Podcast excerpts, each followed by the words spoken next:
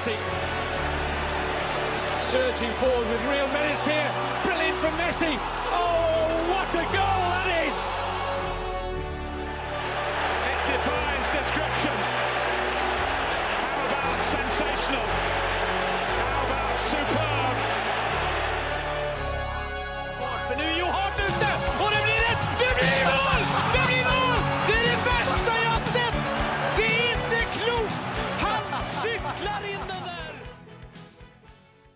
Ja, da ønsker vi velkommen til episode 171 av den rotløse fotballpodkasten 90 minutter. Eh, Med meg i studio har jeg som vanlig Mats Granvold God dag, god dag.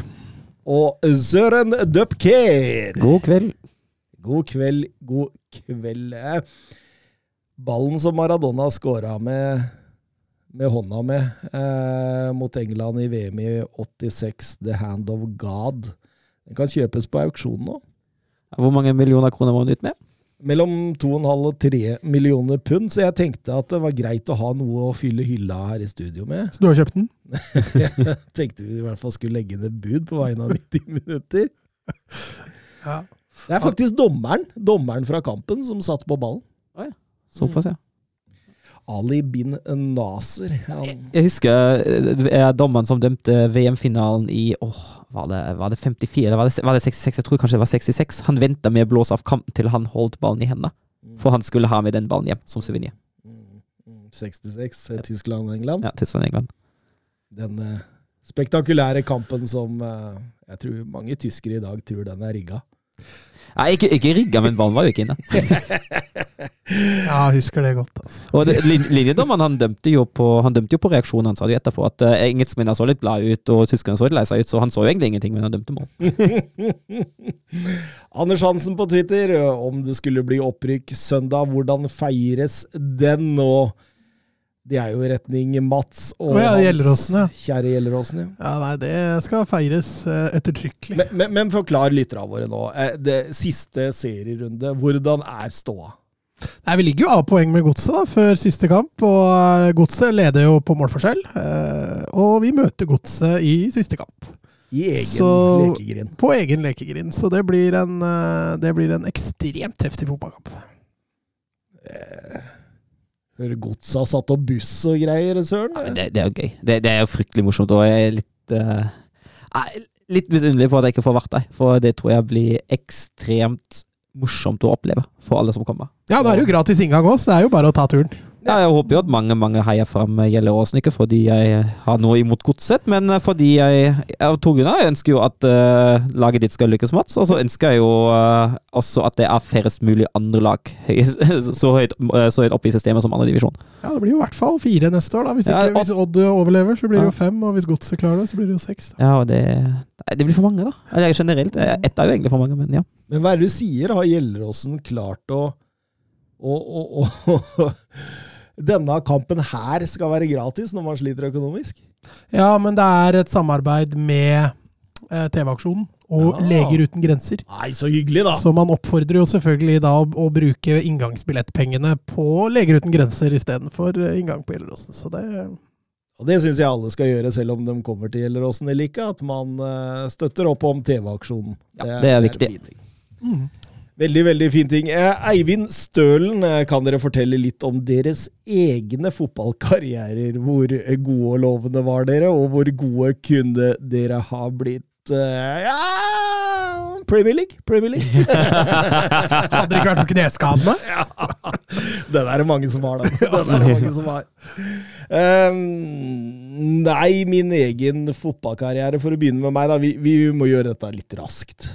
Ehm, spilte på Milan og Rjukan fram til jeg var 15. eh, dro en liten tur til Lillestrøm. Kom tilbake til Rjukan og spilte tredjedivisjon da jeg var ja, 15-16. Uh, Blei invitert på prøvespill i Utrecht, det har jeg sagt før. Men den er litt artig, den Utrecht-historien, så den kan du utbredere, da. Eh, Det høres kulere ut når jeg bare sier det. Var litt det jeg skulle fram til! Det høres veldig sexy ut. Jeg, jeg inviterte meg sjøl til Utrecht. Og du fikk aksept! Ja, Det var greia. Um, dro etter hvert til uh, Rosenborg. Jeg fikk uh, en telefon fra Nils Arne Eggen som ville at jeg skulle gjennomføre militærtjenesten min der oppe og, og, og spille litt for dem. Eh, Blei eh, fortalt etter eh, ja, noen måneder at du er ikke god nok, vi sender deg til Bodø. Der blei det mye rekrutt, og så litt skader. Så etter hvert dro jeg til Oslo for å studere, og spilte der i noen år før jeg ga meg. Og så gjentok jeg fotballkarrieren på Strømmen 3 sammen med Mats. Ja, ja det, var, det var et nydelig kvarter. før det ble totalhavari på høyre kne. På li av alle steder i tillegg. Første kampen jeg har noen gang spilt der, som skulle bli min seinere hjemmebane. Åh, Hvorfor gidder jeg dette her? Satt du dere der og hadde ryket i korsbånd? For andre gang.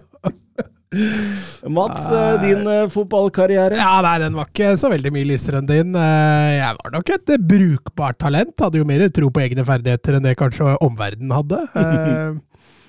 Fikk en del A-kamper for Strømmen og noen få for Hønefoss. Og så, etter at jeg ble kalt inn da i førstegangstjenesten, så tenkte jeg at nei, nå gidder jeg ikke å bruke mer tid på det. Så da ble det fotball for moro skyld etter det. Og angrer jo selvfølgelig litt på det, at ikke jeg prøvde litt til. Mm, mm. Å legge opp som 19-åring når du har et OK-talent, det, det, er, det er tidlig å gi opp. Altså. Men du, du, er, du var jo ikke et treningsprodukt. Nei, på ingen måte. Jeg var et, var et talent, ja. Jeg trente ikke mer enn jeg måtte, og det var jo det som kanskje stoppa meg. Søren Dupker. Ja, Som nevnt i forrige episode, mine foreldre var jo ikke sånn voldsomt glad i fotball under oppveksten, så det tok jo fram til jeg flytta til Norge og var 18 år at jeg begynte å spille i klubb. Eh, og Før ble det jo bare Løkka og sånn kompislag og sånne greier. Da, så Omtrent når Mats slutta, så begynte du. Og det ble jo aldri noe høyere enn uh, en femtedivisjon. Jeg tror det er altså det absolutt maksimale jeg kunne ha nådd, i hvert fall med, uten å ha spilt uh, noe som helst i klubbfotball som, eh, som barn og ungdom. da. Jeg, kanskje, kanskje, kanskje kunne jeg ha nådd en divisjon høyere hvis jeg hadde spilt litt mer, men eh, jeg vil på ingen måte betegne meg som, en, eh, som et talent eller noe som helst. Men starta du som keeper? Nei, jeg begynte som uh, kantspiller. Eh, og så ble jeg etter hvert keeper. keeper. Men først back, og så keeper. Ja, nei, Beck, Beck var egentlig aldri helt min greie. Ah, okay. Men uh, jeg var litt sånn Jeg spilte på Haga. Uh, Haga Ja. oppe på Årnes? ja, ja, ja. Oi! Det var, det var dit jeg Ja, det er en klubb Gud glemte. Altså, den, den har brune drakter. Ja, brune drakter. Og, og gressmatte, faktisk. Det Ja, er ja, ja. Det er en av få klubber med gress. Uh, veldig fint stadion der, men eh, da spilte jeg, og da var jeg liksom Vi hadde jo to keepere, men jeg begynte jo å få noen innhopp som keeper nå, ikke de dukket. Da var jeg sånn tredje keeper, og ja, begynte med etter hvert å utvikle den retninga, da. Jeg husker da jeg var liten, jeg tenkte jeg lurte på åssen åssen er det de som spiller på Haga, åssen er det de er, liksom. Men nå veit jeg jo det. De er jævlig ordentlige folk, i hvert fall. A4. A4-folk, ja. A4. Ja, og nå er, det, nå er det bedrift som gjelder, så er bedrift. Christian eh, Hauboff. Hauboff, ja. ja. Eh, skal dere se VM? Der da, da satt du og jeg og prata sammen om det. Jeg, altså, jeg, jeg har fått eh, bare verre og verre en bismak på det, og kjenner at uh, lysta etter å se VM er ikke så stor. Mm. Uh, så jeg har ikke helt bestemt meg ennå, men, men jeg heller litt mot at dette Altså, går en kamp som, og jeg ikke har noe å gjøre, kanskje jeg ser den, kanskje jeg ikke ser den. Få se. Eh, nå er jo Søren moralisten blant oss, da. Altså, jeg eh, kommer til å se VM uten at jeg føler meg som et dårligere menneske for det. Og så så skal jeg respektere de som ikke gjør det, men eh, du vet hva. Jeg, jeg gleder meg som uh, bikkja i buret, jeg, altså. Så Jeg gleder meg ikke akkurat, men eh, i likhet med Mats, jeg har ikke helt bestemt meg ennå. Eh, jeg veit jo at det fornuftige hadde vært å i hvert fall for min egen del, da, med tanke på de moralske Som du, som du kaller meg, med Thomas moralist. da. Eh, moralens høyborg på høyre side. Du er jo vårt moralske kompass her. Hvis Ja. hvis han ser, da kan Ja, jo da mener jeg! Da må jeg altså nesten se! Så jeg kan bli alibi, da. Ja, nettopp. Så tenker jeg at hvis noen tar meg på det, så er det Dupker se på. Da kan, da kan jeg se på, altså. Det kan du, altså. Nei, jeg, jeg, har, ikke helt, eh, jeg har ikke helt bestemt meg ennå, men eh, jeg, jeg, gleder meg, jeg gleder meg ikke uansett. Altså, det, det, er, altså, det det er så mye bismak med det, med det VM. Jeg leste en artikkel om hvordan, eh, hvordan Qatar forbyr sånn offentlig filming for at ikke noe sånne misstand fra staten skal vises i resten av arenaen. Sånn, åh, altså, det, det blir bare mer og mer. For hver uke som går, blir det mer og mer dritt. Og det har vært nok dritt fra før. Og er sånn, åh, nei. Og så har de sendt klare restriksjoner til TV2 og NRK hva de får lov å filme. Ja, ikke sant? Nei, altså, det, uh, nei jeg, blir, jeg blir så kvalm av det, altså. Mm, mm. Men, altså, men samtidig, altså, jeg, jeg, jeg, jeg går ikke rundt med en pekefinger og syns at folk som gleder seg eller ser på, eh, er dårlige mennesker for det. På ingen måte. Det får alle vite, det får alle avgjøre for seg sjøl, tenker jeg. Ja, det tror jeg òg. Det tror jeg òg. Jeg, jeg, jeg er jo litt sånn sånn type da, som syns folk skal få lov å bestemme sjøl hva man vil. Og eh, jeg skal ikke sitte på toppen av haugen uansett, jeg og dømme folk. Så, Nei, og det er jeg helt enig med deg i. og det er, det er jo ikke akkurat sånn at selv om du ser noen kamper i VM, så står du for det i Qatar. altså, det er jo ikke, det er jo ikke Altså, må jo ta og roe dette litt òg, da, i forhold til akkurat det der. Det er jo noen på Twitter som tar litt for mye av òg, Mm. og da Nei. Nei, men uh, jeg skal se VM i hvert fall, og så er det to vet ikke. Det var vel et godt svar, det. Um, Bernt Olav Gjellegjerde Hansen. Um, Ballon d'Or. Uh, ja, dette er, dette er jo faktisk flere spørsmål i ett, så vi begynner med fortjent vinner. Eh, ja, det syns jeg. Ja. Er Haaland mulig kandidat for neste år? Ja. Eh, ja, det er han. Tror dere Mbappe er fornøyd med sjetteplassen? Nei. Nei. ja. Han skulle gjerne hatt et par-tre allerede, tror jeg. Eh, hadde Son vært høyere enn ellevte om han var brasilianer? Eh, jeg tror Son hadde vært høyere enn ellevte om han hadde spilt for et lag som hadde vunnet litt mer, hvis man ser den, eh, Ja, den gjengen. hadde, da hadde vært helt oppi Mm. der. Hvis, man, hvis man ser på den gjengen Real Madrid-spillere, uh, og jeg sier ikke at det er ufortjent at uh, i hvert fall Venicius og Courtois har kommet i topp ti, for det er det, det er det utgangspunktet ikke. Uh, men det er kanskje det som utgjør da forskjellen mellom Venicius og sånn. Jeg syns begge to har hatt en fantastisk sesong forrige sesong. Jeg syns det er vanskelig å skille de to. Og ja, det, altså, ja, jeg, sy jeg syns jo kanskje 11.-plass er litt lavt. Jeg syns jo for eksempel sånn hadde hvis man, altså Bedømmelsestidsrommet er jo bare den sesongen 21-22. Og da syns jeg sånn hadde i hvert fall en bedre sesong enn Haaland. Mm. Ja, ja, for all del. Hva tenker du? Er bedømmelsen 21? Ja, først, For første gang i, den, i denne kåringa nå var det bare hele fjorårssesongen som gjelder, så ingenting fra denne sesongen teller inn. Ah. Så det Haaland gjør i Manchester City, det kommer på neste. Mm. Og det er derfor jeg tenker at en, ti, altså det er derfor en tiendeplass syns jeg er litt for høy. Uh, nå vet vi jo ikke når stemmegivninga var, men det kan jo tenkes at stemmegivninga ikke var akkurat etter den forrige sesong, at noen har blitt farga av det som har skjedd denne sesongen nå. Mm. Ja, ja, absolutt. Eh, men, men samtidig, George Vea vant vel i 95, og han er fra Liberia, så det er, det er umulig. mulig. Mm. Ja, ja, ja. Er du gæren. Ja, nei, det fins jo flere som, som kan vinne utenom ting. Altså Lewandowski er vel litt på Noen skylder han en ballong Ja, i år. ja, ja, altså det, er, det er sekund til at den ikke har, var jo fordi de avlyste hele sjappa i 2020. Stakkars. Nei, den, den er Og han er jo fra Polen, så, Mm. så det går an å vinne selv om du ikke er fra typiske fotballnasjoner. Ja, Modric har jo vunnet fra Kroatia også. mm. Mm. Ja, for all del. For all del. Og hvis eh, Haaland vinner, Ja, så er vel ikke han fra en stor Nei, og jeg, jeg, jeg, jeg blir ikke overrasket om Haaland eh, i hvert fall får en eller et par i løpet av karrieren.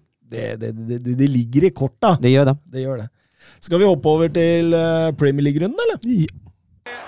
Balotelli, Aguero!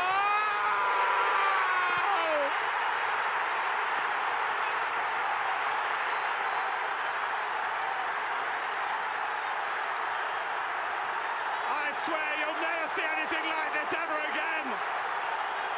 So watch it, drink it in. They've just heard the news at the stadium. Ja Tottenham-Everton, det er første kampen vi skal til. Antonio Conte har jo ikke rullert sånn voldsomt, hvis du ser bort fra sidebekkene. Og, og Kulisevskij-skaden gjør jo at eh, valgene fremover blir færre også, så eh, slo Frankfurt i midtuka eh, Altså, der kan slitasjen komme etter hvert. ja, det kan definitivt. Og du ser jo Tottenham også i den matchen her bruker en omgang på å komme i gang, så det å spille to kamper i uka Nå bør jo Tottenham begynne å bli litt vant til det også, som klubb. Eh, men, men hvis Conte motvillig må rullere, så, så kan det skape litt utfordringer etter hvert i forhold til slitasje. Det er et Everton som kommer på Tottenham Hotspur Stadium og forsvarer seg. Ja, selvfølgelig. Uh, de har jo sikkert, altså Lampert har jo sikkert sett noen uh, kontekamper før nå, og han vet jo akkurat uh, hvor svakhetene til Tottenham ligger. Og så har man den klare matchplanen at når man først får tak i ballen, så er det inn i bakrommet å satse på kontringa. Uh, Særlig én gang var de veldig nære med Onana. De, ja, men der er det jo Høibjerg og jo, jo, men, som caller det til. Jo, jo, for all del, men Det er vel Høibjerg som header gjennom Onana, er det ikke? jo, det er vel det. Ja. det, er vel det. Men uh, ellers er det å forsvare seg og ikke gi Tottenham, uh, gi Tottenham plass, og ikke gi Tottenham rom, og ikke la dem uh, ja. I første gang fungerte det veldig bra. Ja, enig. Men, men, nok en gang så er det en, en, femmer på midtbanen som justeres, og er mye av årsaken til at den på en måte reiser litt ifra Everton der? Ja, jeg syns det på av, altså, av to grunner. Du får du får litt sånn stengt de der sentrale områdene. Gjør det lettere for Spurs å gjenvinne ballen høyere uh, og stenge av for Evertons framgang på overganger. Så, altså Etter 1-0 uh, eh, blir det uansett veldig komfortabelt for Spurs, men før 1-0 så hjelper jo den sentrale tilstedeværelsen litt mer. samtidig at Son får bruna seg litt mer på de sentrale områdene. Mm. mm. Ja, Tottenham trøkker skikkelig til ut fra omgangen der. Og, å få dette straffesparket, var det litt billig, eller? Jeg, jeg veit ikke, altså. Jeg tenker, eller, nei, jeg, altså, tenker altså, jeg, jeg stiller det annerledes. Konstruerte Kane det? Ja, det gjorde han. Ja. Men om det er billig altså, Det er jo ingen tvil om at uh, det er kontakt, uh, Thomas Edvardsen. Mm. Så at uh, VAR ikke går inn og retter på det, det, det er for så vidt helt greit. Og så er det rutinert av Kane. Altså, ja, det er litt billig. Det er det. Og da, og da møter han landslagskollega for andre gang på, fra 11-meteren på, på, tre kamper. Pickford der. og og smeller inn sitt 400. Nei, sitt, i, smeller inn straffespark i sin 400. kamp for Tottenham og har mål i alle sine fem siste. Og da spør eh, Støvland på Twitter her, med Petter som fornavn eh, Kane hadde skåret like mange mål som Haaland om han spilte for Manchester City, sa Alan Shearer. Korrekt eller ei? Ei, ei. Nei, jeg, jeg, jeg, tenker, altså, jeg, tenker, jo han er, han er, inne på noe, for Kane er jo også en uh, klasseavslutter. Uh, jeg tror kanskje at den fordelinga uh, mellom altså Nå står Haaland med 15 mål og 3 assist i ligaen. Jeg tror kanskje han hadde skåra bitte litt færre der og hadde hatt litt flere assist, uh, men at han kunne ha stått med 18 målpoeng i det City-laget nå, det tror jeg absolutt på. Ja, jeg er for så vidt helt enig med deg. Altså, han har 9-6 bak Haaland. Uh, ja, jeg, jeg, jeg, er til dels enig med Scherer, jeg, på mange måter. Men, jeg, men, men som du sier, Dupker, jeg tror kanskje noen av Haalands mål hadde vært assister for Kane.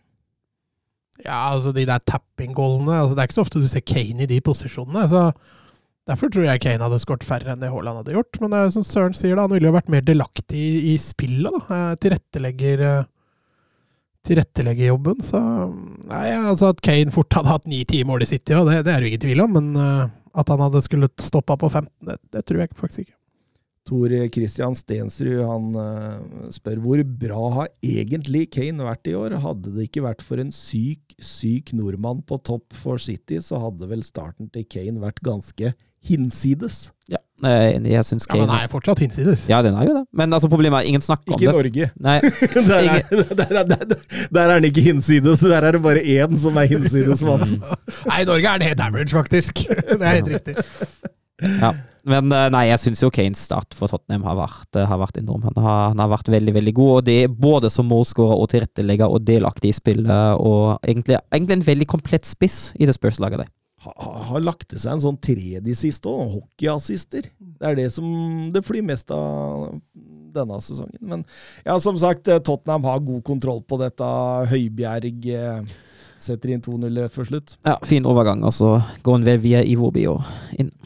Og, og, du ser da, når, når Bizuma kommer inn på den midten, så får Høibjerg og Bentancour litt mer frihet uh, fremover i banen. Og, og, og jeg, jeg syns begge de gutta har noe offensivt for seg også. Mm. Så nei, det, det, blir spennende å se hva han, hva han uh, ender opp med til slutt. Uh, eh, 23 poeng på 10 runder for Tottenham, deres høyeste sum etter ti runder siden 1963-64. Det vil si at det, det, det går på planke, Søren. Ja, det gjør det. Og Starten til Tottenham har vært bra. og Vi har snakket litt om det før sesongen, denne soliditeten. eh, og den ser man jo i aller høyeste grad også i den kampen her. I hvert fall så snart man eh, legger litt om. Anders Hansen på Twitter. Er Spurs underpratet? Ikke her. Nei, her føler jeg vi prater om dem hele tida.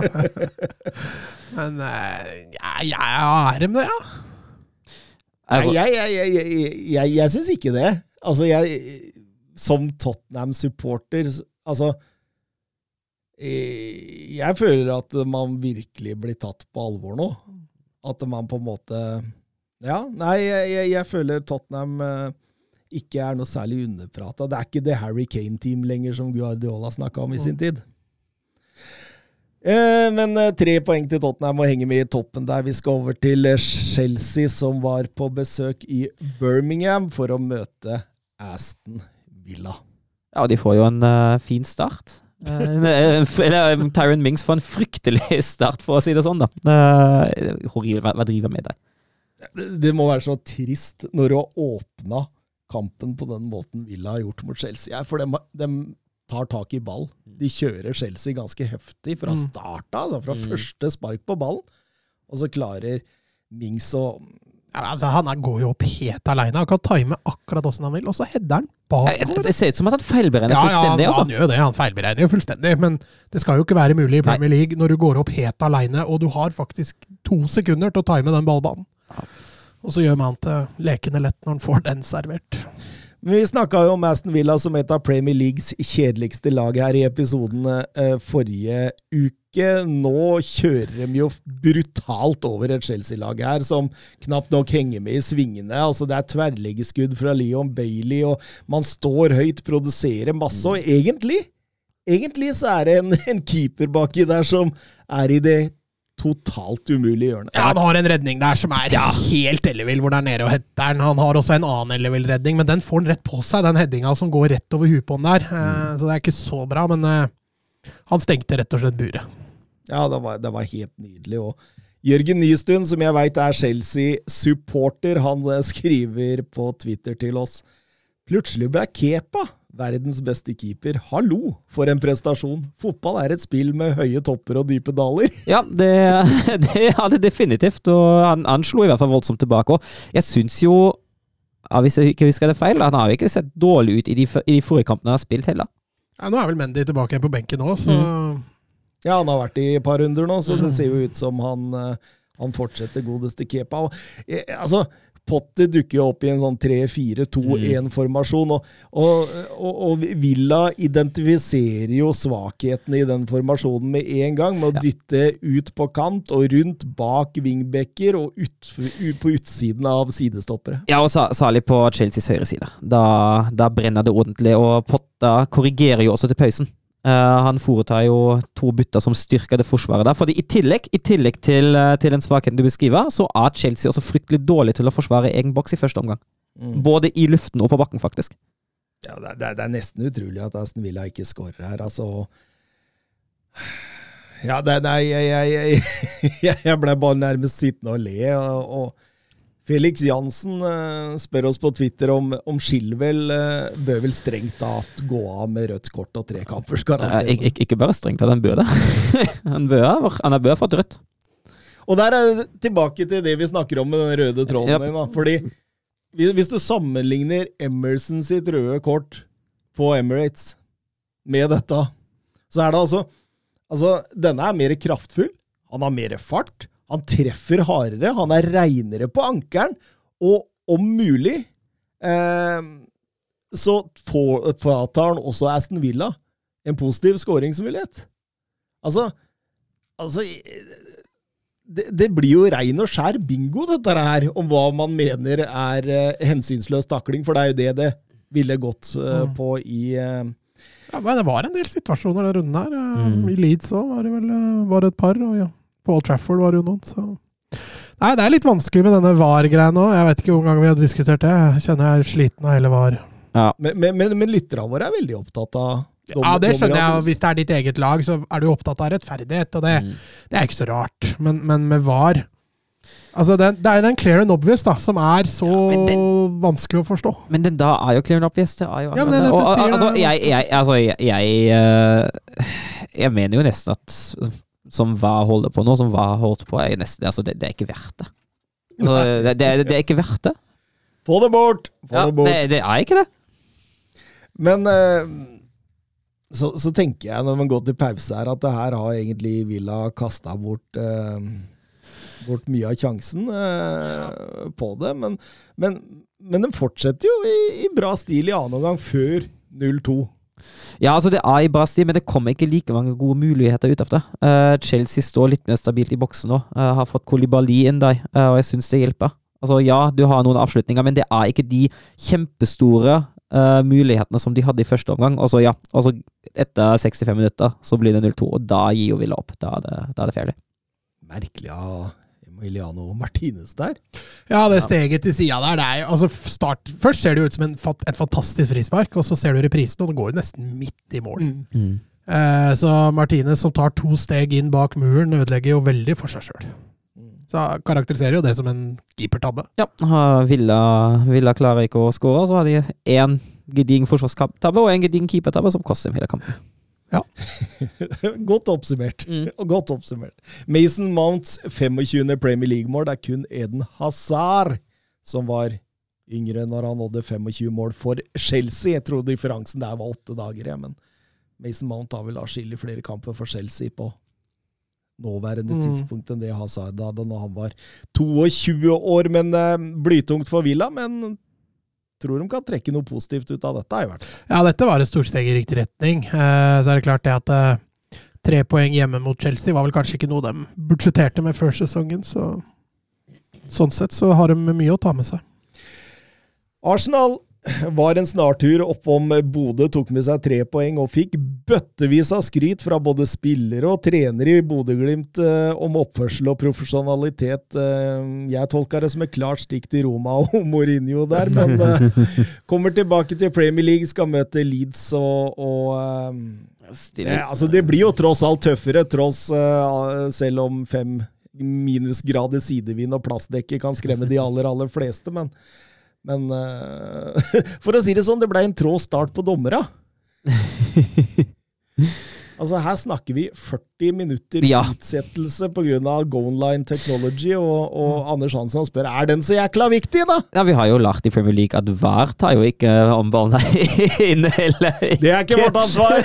Vi ser han er inne, men vi sier det ikke. For den er ikke clear and obvious. Ja, nei, jeg, jeg er jo enig med Altså, Så lenge det bare var Goneline technology, uh, og når man har andre hjelpemidler der, uh, som den der vei, eh, så kan man fint spille. Hvis det, selvfølgelig hvis det var andre kommunikasjonsting som feiler deg, uh, så er det like så greit å ha de på plass. Men ja, det er rart å utsette bare pga. Golden technology når man har en backup-løsning i vei. Du som uh, trener på seniornivå, Mats. Ja, det kan sammenlignes mest sannsynlig, det du tenker å spørre Nei, men jeg bare hører fra din, din side. Hva, hva tenker du Arteta og Jesse Mars gjør, når de liksom på en måte Alt handler jo om å finne et sånn spenningsnivå, og man har varma opp og alt, og så, og så oh, ja, sånn ja. Ja, Og så blir kampen kampen utsatt. Ja, så ett minutt spiller de vel.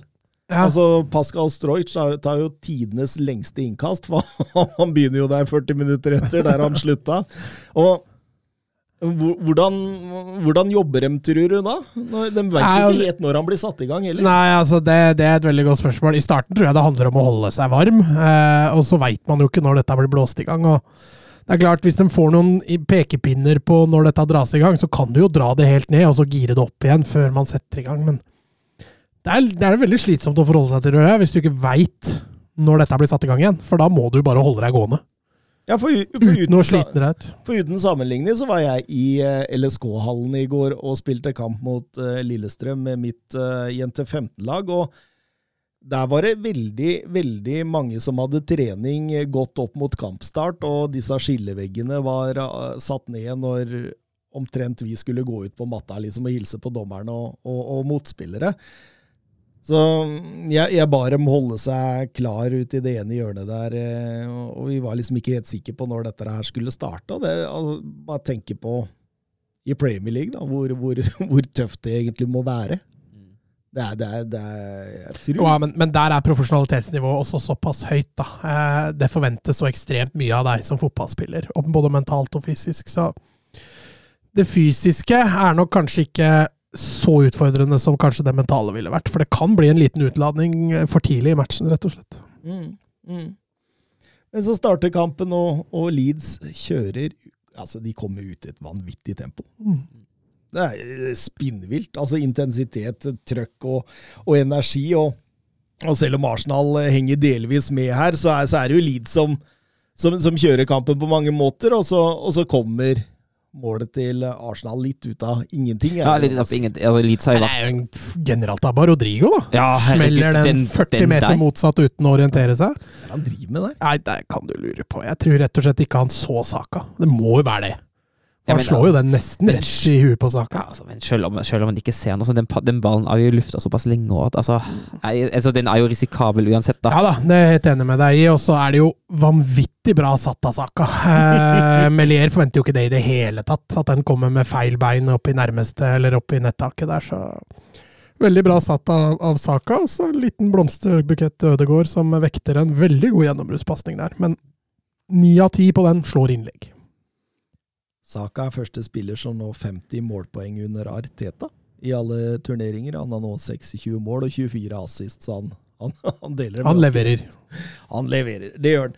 Um, går til pause der, og um, ja, Torjus Hansen skriver til oss på Twitter Vill kamp mellom Leeds og Arsenal, men hvorfor annulleres Bamfords 1-1-skåring tidlig i annen omgang? Gabriel holder jo Bamford først, og den lille skumpen han gir tilbake, er den nok? Er det blitt slik at holding er lov, men en liten dytt er ikke? Min umiddelbare reaksjon var at den kom til å bli annullert. Når jeg så den live. Uh, nei, altså en dytt og en skump og en sånn altså Måten han ordlegger seg på der, høres det ut som det, alt er bare en bagatell. Så, så da skal man jo ikke Men min umiddelbare reaksjon er jo det at Bamford hindrer jo Gabriel mer enn det Gabriel hindrer Bamford først. Jo. jo. Og så er det jo ikke sånn at eh, hvis Bamford gjør en feil, eller hvis, gjør en fors eller hvis Gabriel først gjør en forseelse, og så gjør Bamford en forseelse, så nuller jo ikke det seg ut. Nei, Hvis du skjønner hva jeg mener. Ja, ja, ja, ja. Så man må jo dømme situasjonene. jeg, jeg, jeg, jeg tror nok dette er en situasjon at, eh, hvor, i, som vi igjen snakker om, at VAR holder seg unna uansett hva dommeren dømmer. Altså, det fins gode argumenter både Ja. for og imot den der. Det er en Den gråsone, rett og slett. Ja, veldig, veldig vanskelig. Eh, Blei liksom aldri helt enig Og så var det et veldig trygt valg av dommeren. Ja, Det var et veldig trygt Ja. valg av dommeren.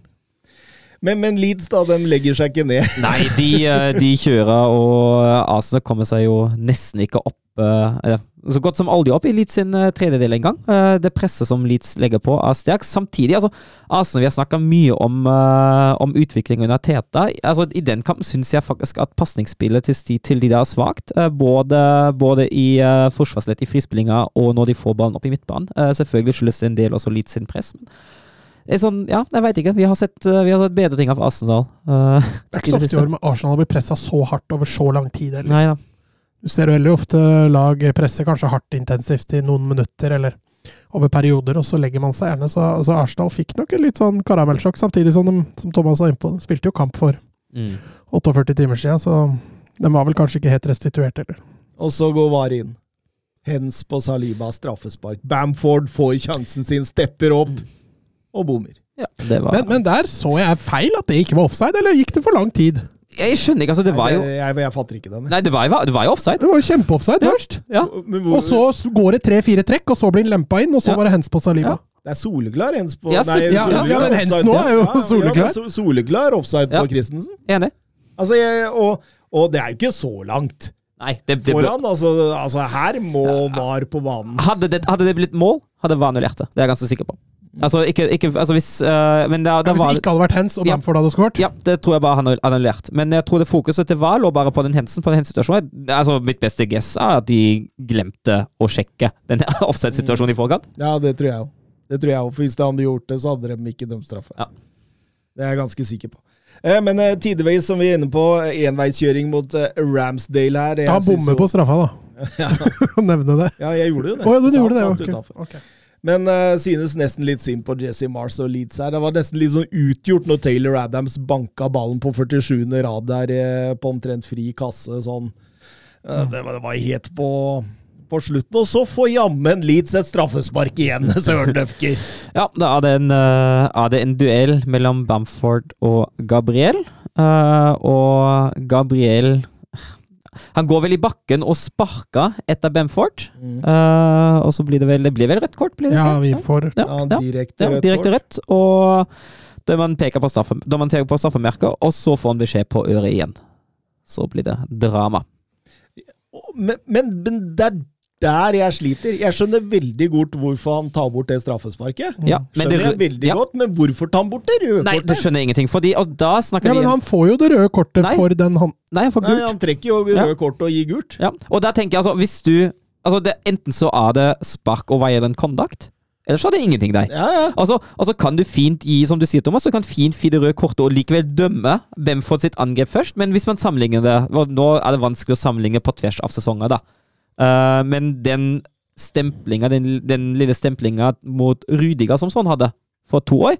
Jeg syns de to er sammenlignbare. Ja, helt like. Uh, og sånn ble utvist, og Gabriel får slippe. Uh, og det, det syns jeg er merkelig. Men uh, altså det jeg tenker her er konklusjonen, er jo det at man først ser forseelsen til Bamford, som gjør at det er frispark før det er straffe. Mm. Om VAR går inn og sier hei, dette er frispark, før det dømmes straffe. Men reaksjonen til Gabriel er sparket opp der. Ja. Så derfor får han gult, og ikke rødt. Ja, Men jeg tenker jo det sparket opp er jo rødt. Det er jo soleklart. Jo, jo, og det er jo greit nok. Det er jo altså. greit nok. Men, men hvorfor forandrer han den? Han kan jo si 'ikke straffespark', men Gabriel, du skal ut. Ja. Altså, jeg, jeg, jeg, skjønner ikke den der. der jeg. Og Litt sånn merkelig også det han hadde i forhold til Saliba der, hvor han holdt igjen eh, mm. Bamford der. Ja. Kunne fort ja. fått sitt andre gule også. Så det, det, Arsenal er heldig her, altså, mm. som ikke uh, spiller neste kamp med begge de faste midtstopperne ja, ute. Men med, Saliba skal de jo også sies han bør ikke ha fått det første gule utgangspunktet, for der var det jo offside. så her, her, her, er det så mye variabler! Ja, det er helt sykt. jeg er helt enig med deg. at Hvis man først har det gule, bønn ut der òg. Jeg er helt enig. Ja, men, men, skal vi være enige om at dommeren hadde ikke noe god kamp? Ja, det er jeg helt enig i. Det hadde ikke Arsenal heller, for den saks skyld. Nei, for all del, for all del. Men nok en gang da, så vinner de på en dårlig dag. Ian Mæland spør oss eh, hva syns dere om tilleggstidsskandalen Arsenal-Leeds. Jeg trodde Mæland at det var 49 minutter overtid. Han, han, han, var ikke der til kampstart, så Nei da. Eh, ni minutter, som blei ti minutter, var det ikke det? Ja, noe eh. På grunn av Nei, altså opprinnelig seks minutter, mm. som blei egentlig ni minutter, som blei mot ti minutter. Mm. Og jeg så ikke noe skandale i det, jeg. Nei, men Det kan hende at han refererer til, til en situasjon vi nettopp var inne på, med Bamford og Gabriel. Jeg veit ikke. Nei, det, det kan godt hende. Eh, Jonathan Hobber tror Søren har misforstått kjøpet av Jesus. De ville ikke ha mål. De vil ha goodwill fra oven, og det har de fått i bøtter og spann. De har både fått engelen Gabriel og frelseren med seg. Sånn sett, årets kjøp! ja, jeg lo godt da jeg så den uh, tidligere i dag. Den, uh, ja. Men uh, ja, sånn sett er det årets kjøp. Jeg er helt enig. Men han skårer ikke mål. Kjøpt seg Hadde de ikke en Maria òg? Eller Mari? Maria? Nei, det er, eh, det er artig, artig eh, ja. resonnert uh, av hobbyer. Ja, han står jo med fem også, så lite skårer han ikke, men ja. Manchester United Newcastle. Eh, DGA hyllet for sin 500-kamp for United før start. Ronaldo hyllet for sitt 700 klubbmål før start. og når kampen starter, så hyller man jammen Solskjær med en sang også. De, de, Mye hylling der. Manchester United, altså, det skal den klubben ha. De er gode til å dyrke sine gamle helter. Ja, Det er jo det de får dyrka nå. De vinner jo ingenting, så de må jo, de må jo ta, det de, ta det de kan. Men uh, ja, ganske jevnspilt åpning. To lag som står høyt på hverandre, vil vinne valg, vil ha kort vei til mål. Og, og, og på mange måter så, så sa jeg tenkte Eddie Howe og Erik Den Haag ikke veldig ulike. Nei, enig i det. Uh, jeg syns jo etter hvert, da, eh, i hvert fall i faser av spillet, lykkes Newcastle litt bedre uh, med det høye presset. Uh, det skyldes jo kanskje også at man har bedre muligheter til å sette inn et toppress enn det United har. Mm. Men så skal selvsagt Callum Wilson ha straffespark når han blir meid ned av, av Varan der. Ja, han kommer foran, og Varan setter ut et bein, og det Han han burde fått en straffe. Jeg syns faktisk det er greit at VAR ikke går inn på den, men det kjenner jeg fordi jeg er lei VAR. Det er egentlig best at VAR ikke går inn på noe. Ja, fordi altså denne sidestilles jo med Kane sin straffe mot Frankfurt Ja. eh, tre dager tidligere. Ja. Den er helt lik. Ja. Og der går jo VAR inn og sier at det er straffespark. Så ja det, det, det er vanskelig å, å trekke altså, konklusjoner ut av dette. Altså. Ja, nei, og, det er jo altså ja, Nei, nå skal jeg ikke jeg her, men, ja. Men vi kan snakke dobbeltsjansen til Jo Linton. Ja, der må, der må han jo skåre. Eh, Den første gjør han jo bra. Han, han legger den jo i en bue eh, med hodet over De Rea, eh, og så klasker han i tverrliggeren. Det det er en sterk, sterk avslutning, og den andre må han sette. Da får han header i turn på åpent mål. Og- Ja, da ligger jo De Gea og Ja. så ja, den, altså, den, første, den første er sterk, den andre er ufattelig svak. Ja, at han setter den i stolpen, er det det, det, det er veldig sjelden du ser de situasjonene. At en, en, en og samme spiller header i tverleggeren og tar returen selv før han spretter, og header den i stolpen igjen. Det er enorme sjanser. Og, og eh, ja, altså Manchester United eh, bør være ganske glad for at de går inn her til, med 0-0. Ja. altså. mm. For all del eh, blir litt mer jevnspilt mot slutten av omgangen der. Mm. Ten Hag lykkes med å korrigere litt sentralt i banen, der hvor Jimares hadde begynt å, å ta over fullstendig, og så blir tempoet litt lavere og en del frispark, og det blir oppstikka. og ja, så det går til pause med 0-0, og Jørn Henland eh, Han spør Hvorfor blir Ronaldo sitt mål mot Newcastle annullert? Dommeren blåser i gang spillet før forsvareren spiller tilbake til keeper, og dette skjedde omtrent med en gang. Dommeren satte i gang pause, etter, etter pause. Satte i gang pausa.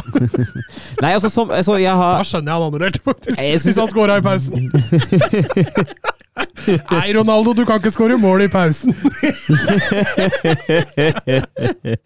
Nei, en, en, en ganske rar situasjon. En situasjon som man ikke ser så ofte. Uh, Ut ifra de bilder jeg har sett, da, uh, er det jo sånn at dommeren står fortsatt med arm i vara før Pope uh, tar frisparket. Eh, så det, den, den blåsinga kan jo også bety at han ønsket at frisparket skulle tas lenger bak.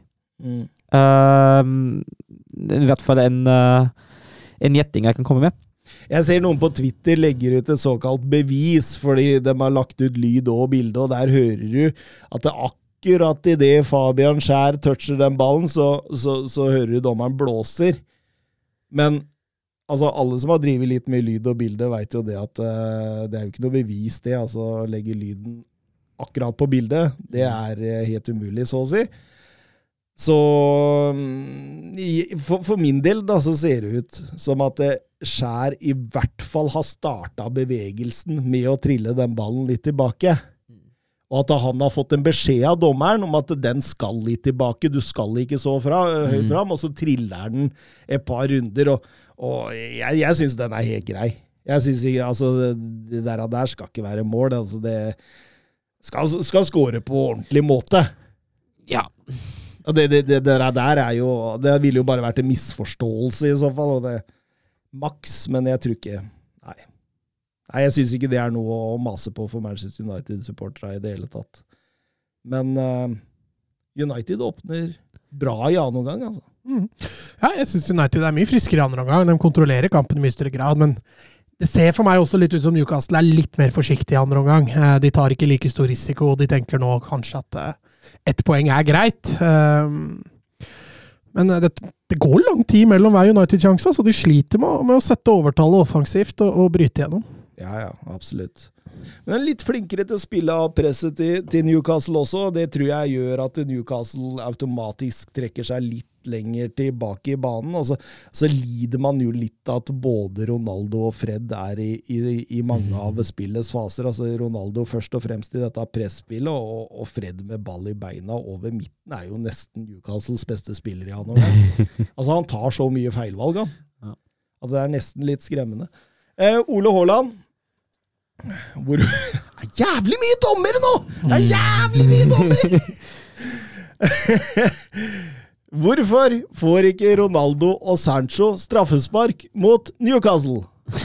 ja, det Ronaldo sin er vel ikke Er det den han får den skumpen idet han skal skyte? Er det Ja, det? Trippier. mm, Ja. Det er vel ikke straffe?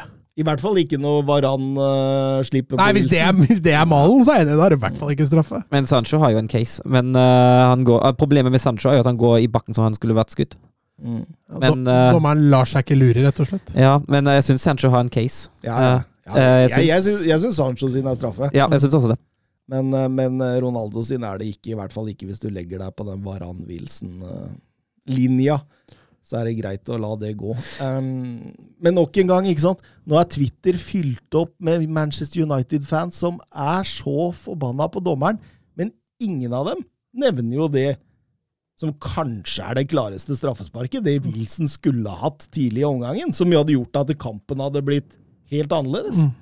Så det er liksom Fotballsupportere, de er jo en egen Jeg har sittet og klaga på dommeren sjøl, så jeg skal ikke sette meg på min høye hest, men Nei, jeg veit du har klaga litt på dommeren. Men dommeren mot Everton var vel grei? Ja, var fin. Ja. Det straffesparket til Kane der var jo greit. Ja, var fin. Ja, fin. Fin, fin, fin. Fin. Utrolig fin av um, men etter hvert så gir jo det verste Manchester United-trøkket seg, og, og um, han, han ser nødt til å ta Ronaldo der. og Ronaldo er ikke fornøyd. Det er dette man får. Ja, det er jo humørspiller nummer én i hele verden, da. Jeg syns det er riktig å ta han av. Uh, altså Særlig nå han, uh, som du er inne på, nå presset legger seg litt, uh, og man kanskje ønsker å få litt mer toppress tilbake, samt litt, litt mer bevegelse og litt flere løp bak Newcastles linje, så er jo Rashford man må sette inn i. Mm.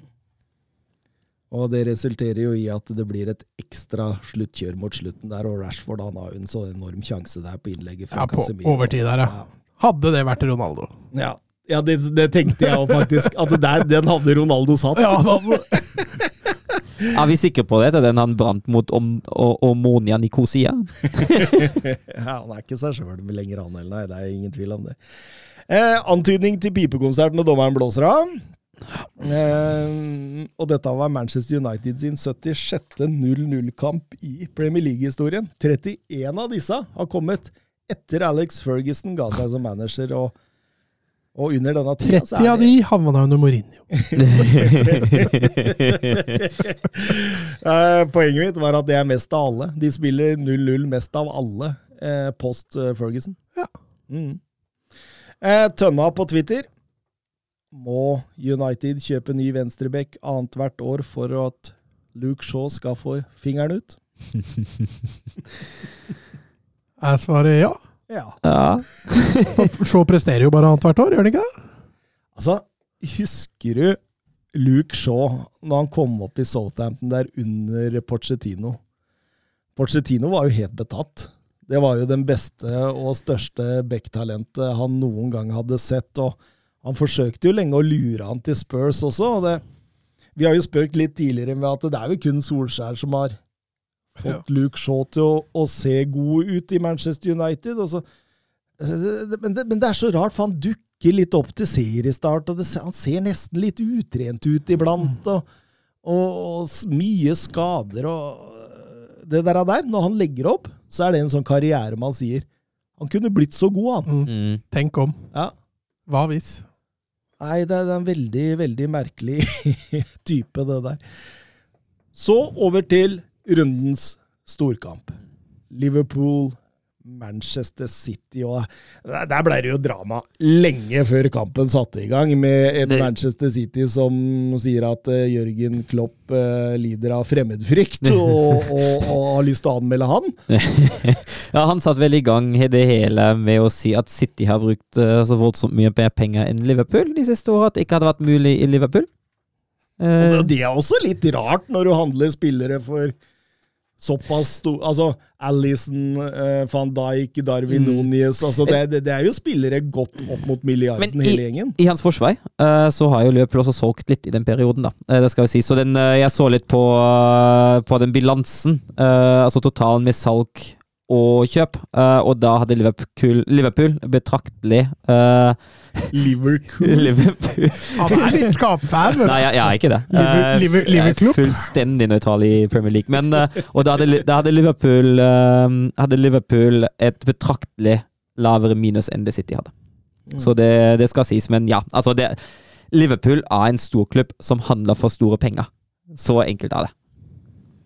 Så sitter vi her i studio i forrige uke og sier Klopp må tilbake til røttene, han må tilbake i, i 4-3-3 med Fabinho inn sentralt. Og så, og så gjør han noe som er sånn ja, Altså, han, han gjør noe halvveis. Han spiller en slags eh, altså, hybrid Ja. av 4-3-3 og 4-2-3-1. Ja, han gjør det. Uh, og jeg syns jo ikke det var veldig tilbake til Liverpool-røtta heller, for altså de legger seg jo ikke på et voldsomt høyt press i den kampen her heller, og det man kjenner litt sånn fra Liverpool, og stresset motstander egentlig fra første øyeblikk, det er litt borte i den. Han uh, satser litt mer på den defensive balansen. Og derfor Milner inn istedenfor Arnold. Du ser Liverpool driver og pumper baller tidlig i bakrom, i et stort bakrom der. Og, og Manchester, United, nei, Manchester City de prøver å roe ned tempoet og beholde ball. eh, Altså veldig altså, Vi har jo snakka om hvor like de er, men hvor ulike de også kan være, disse to laga. Men, men City tidvis er nesten uforsvarlig mye bakrom de gir bort. Ja. De tar kjemperisiko, altså. Ja, og vi har jo vært borti det før. Den offensive markeringa den er ikke helt på det nivået uh, som vi før har sett i Manchester City, og det syns jeg også i aller høyeste grad gjelder i den kampen her. Altså Når Salah har halve banehalvdelen å løpe på to ganger i løpet av den matchen, da har du gjort noe feil. altså. Ja, og Salah, altså det, det er jo et fint trekk Klopp gjør, at, at med tanke på at man jakter så mye bakom, at Salah dukker opp uh, støtt og stadig i de sentrale områdene og legger seg på en måte bak stoppene istedenfor å jakte på kant for å komme seg mye nærmere mål. Og det gir jo altså Foregriper jeg litt, da, men det gir jo uttelling til slutt. Mm. Mm. Men han, han Salah blir jo kjempesentral i den kampen. Posisjoneringsmessig. Ja, ja. Ja, ja, for all del. Og, og, og det var en morsom kamp. Det var trøkk, det Mm. var eh, intensitet. eh, To trenere som virkelig ville vinne. Ja, og, og som hadde gira hverandre opp skikkelig på forkant, i forkant der òg. Nei, det, det, det var Jeg lurer på om det der forholdet Klopp-Guardiola, om det er sånn elsk-hat. Nei, jeg tror de respekterer hverandre ganske Ja, det tror jeg voldsomt. Jeg tror det. Og så tror jeg nok de motiveres av hverandre. Ja, det tror jeg. Men jeg tror ikke det er noe å hate, egentlig. Kan ikke se for meg. Nei, jeg tror Du tror aldri noe er hat. Da. Men uh, det- at, uh, at det er surere for Guardiola å tape for Klopp enn for eksempel for Ten Hag, det Ja, tror jeg nok. Det tror jeg absolutt. Definitivt. Det er det. Og han begynner å få noen tap nå. Klopp begynner jo nesten å få et lite overtak der. Eh, går til pause og kommer ut av den igjen, og så det bare eksploderer fullstendig med sjanser i begge retninger der. Ja, det bølger fint fram og tilbake. Morsomt å se. Det er, det rett og slett eh, fantastisk, altså. Eh, Phil Foden sitt mål blir annullert der. Haaland har vel den forseelsen som gjør Ja. at det blir annullert. Og hørte dere Guardiola etter kampen? Når han fikk var skikkelig forbanna over at den ble tatt som clear and obvious. Og eh, hva er det han sier? This is Anfield. This is Anfield, sier han. Og så sier han at eh, dommeren sier play on hele kampen. Det er play on, play on, play on. Og så skjer den forseelsen der, som ikke er den største, men det, han tar jo tak i drakta til Fabinho. Og så Men jeg tenker jo, hvis han ikke hadde tatt den for Fabinho, hadde han tatt den for angrep på Alison. For Alison har jo hendene på ballen. Ja. Og så lenge så snart keeperen har hendene på ballen, så er ballen ikke i spill Og skal han ikke sparkes ut. Så jeg tenker det målet har blitt annullert uansett. Ja, ja, ja, ja for all del. Jeg syns det, det, det er helt greit ja, at to, totalen blir, eh, blir, blir, eh, blir tatt der. Um, Men, men utrolig morsom kamp, og det, det blir jo litt sånn at eh, selv om Guardiola tidligere har sagt det at det er selvmord å være med på dette, så, så blir de jo automatisk med på dette. Men jeg, jeg tror kanskje man blir litt forleda til det òg, fordi Med tanke på den formen Liverpool har hatt, da. Eh, at man har kanskje en litt annen innstilling til det hele når Liverpool kanskje ikke dukker opp i toppform, da. Ja, ja, ja for, all, for all del. Helt enig. Og så kommer Mohammed Salah gjennom for andre gang. Ja, fryktelig av Cancelo. Ja, helt Ja. katastrofe av Den Cancelo. det offensive markeringa der, den er tatt ut av Ja, ikke læreboka. Nei, det er ikke noe lærebok. stikk hvertfall. motsatt. Nei, han er fin vending av Salah, og han har selvfølgelig flyt som får med seg den ballen så bra tilrettelagt her. og Aleine med keeper så lærer han jo fra den bommen han hadde tidligere i omgangen. og da får han lagt over arma på Ederson istedenfor å prøve å legge rundt den, og da, da går han i kassa. Så dere det intervjuet med Guardiola etter, på, etter kampen på Sky i, i England, var det vel? Da han snakka om at eh, de taper pga. en feil, og så spør kommentatoren hvilken feil var det? Og Guardiola mista fatningen i noen sekunder. Han skjønner ikke at det kommer det spørsmålet der. Nei, det koker voldsomt der etterpå. Eh, City trykker Liverpool godt inn eh, den mot slutten der, og, og Jørgen Klopp han mister jo fullstendig og får et rødt kort også i, i den Bernardo Silva-Sala-duellen. Jeg kan jo forstå den egentlig. Ja, Silva prøver vel å dra av drakta nei, til Sala der. Ja, så, men eh, Liverpool eh, drar i land en meget sterk eh, 1-0-seier, ingen tvil om det. Og, og eh, Fredrik Konradsen skriver mange friskmelder Liverpool nå, men Liverpool pumper jo bare direkte i bakrom fordi City gir fra seg så store rom. Dette fungerer jo mot alle andre lag. eh, Fungerer jo ikke mot alle andre lag enn Manchester City. Eller tenker jeg feil nå? Man må ha høytpressende lag med stort bakrom for at en sånn spillestil skal fungere. Jeg er helt enig med ham. Eh, Det andre laget det fungerer kanskje mot Southampton, men eh, jeg, er 100% enig. eh, Og jeg, jeg mener jo at Liverpool i den kampen hadde kanskje en bitte litt altså Det er ikke at de sto lavt, da, men at man ikke hadde den like høytpressende inngangen som man kanskje pleier å ha i akkurat den kampen her. Men det er klart, altså alle andre lag unntatt eh, Eller de fleste andre lag, da. eh, De vil jo være veldig fornøyd med å holde Liverpool til en 0-0 eh, og stå balansert og ikke gi fra seg de rommene som Liverpool har utnytta. Så ja, jeg er helt enig. Det er ikke en friskmelding. Det var en sterk kamp. Det var en fortjent seier til Liverpool. Men det er på ingen måte en friskmelding, for problemene til Liverpool har vært litt mer dyptgripende enn kun det vi har sett nå. Ja, men de er ikke friskmeldt. Ingen som har friskmeldt dem, er det? Ja, det ble, så noe greier på Twitter. Ja, men Twitter så er jo håpløst å følge med på, da. Jeg var inne på biosen til godeste Konradsen her òg. Han er Uefa B-trener, han, så han burde jo ha peil på de spørsmåla han stiller inn til oss. Og, og jeg, jeg Du sier er han, sports, er han journalist da, eller? Eh, For da, da har du jo peil, mener jeg. Ja, ja, jeg er med, jeg henger med nå. Ja, den var bra. den var bra. Eh, Didrik Tofte Nilsen, Thomas Yota har ikke skåret på 20 kamper, er mye skada og nok en gang ut på båre. Er det på tide å si 'hva var det jeg sa'? hva var det jeg sa? Ble det stille i studio her nå? Nei, men nå er det jo Du er inne på noe. Det er klart han har vært mye skada, da, så Ja, nå går vi glipp av uh, VM òg. Ja, han fikk en ny trøkk nå, så Men ja, i form av at han har jo ikke levert. På tross av at han har vært skada, så Nei, det Altså, det hender jo at jeg treffer òg. Ja, Men du melder jo øst og vest, da, så du må jo treffe innimellom. Ja, ikke sant? Det er det jeg som var poenget mitt. Jeg meldte jo Hazard som tidenes Real Madrid-stopp, og da, da lo du! For du hadde den som et av årets kjøp. Traff jo så det sang der også. Noen ganger, søren. Noen ganger treffer jeg. Noen ganger egentlig. Det Fortell åssen det gikk med årets kjøp enn Dombele, da. Du kan fortelle. Å, det meldes! Nei, det, det blir jo spennende, spennende i, i Premier League nå. Det, det tetter seg til. Ja. Det gjør det, altså. Midtukerunde, da. Spennende. Det blir bra. En litt amputert midtukerunde. Verken eh, Manchester City eller Arsenal spiller, så Ja, de, er, de skulle ja, de spille mot hverandre. da, Ja. Og Arsenal har vel sin hengekamp fra Europa League nå på torsdag. Stemmer det. Stemmer det. Stemmer det. Det var derfor. Um, over til uh, La Liga.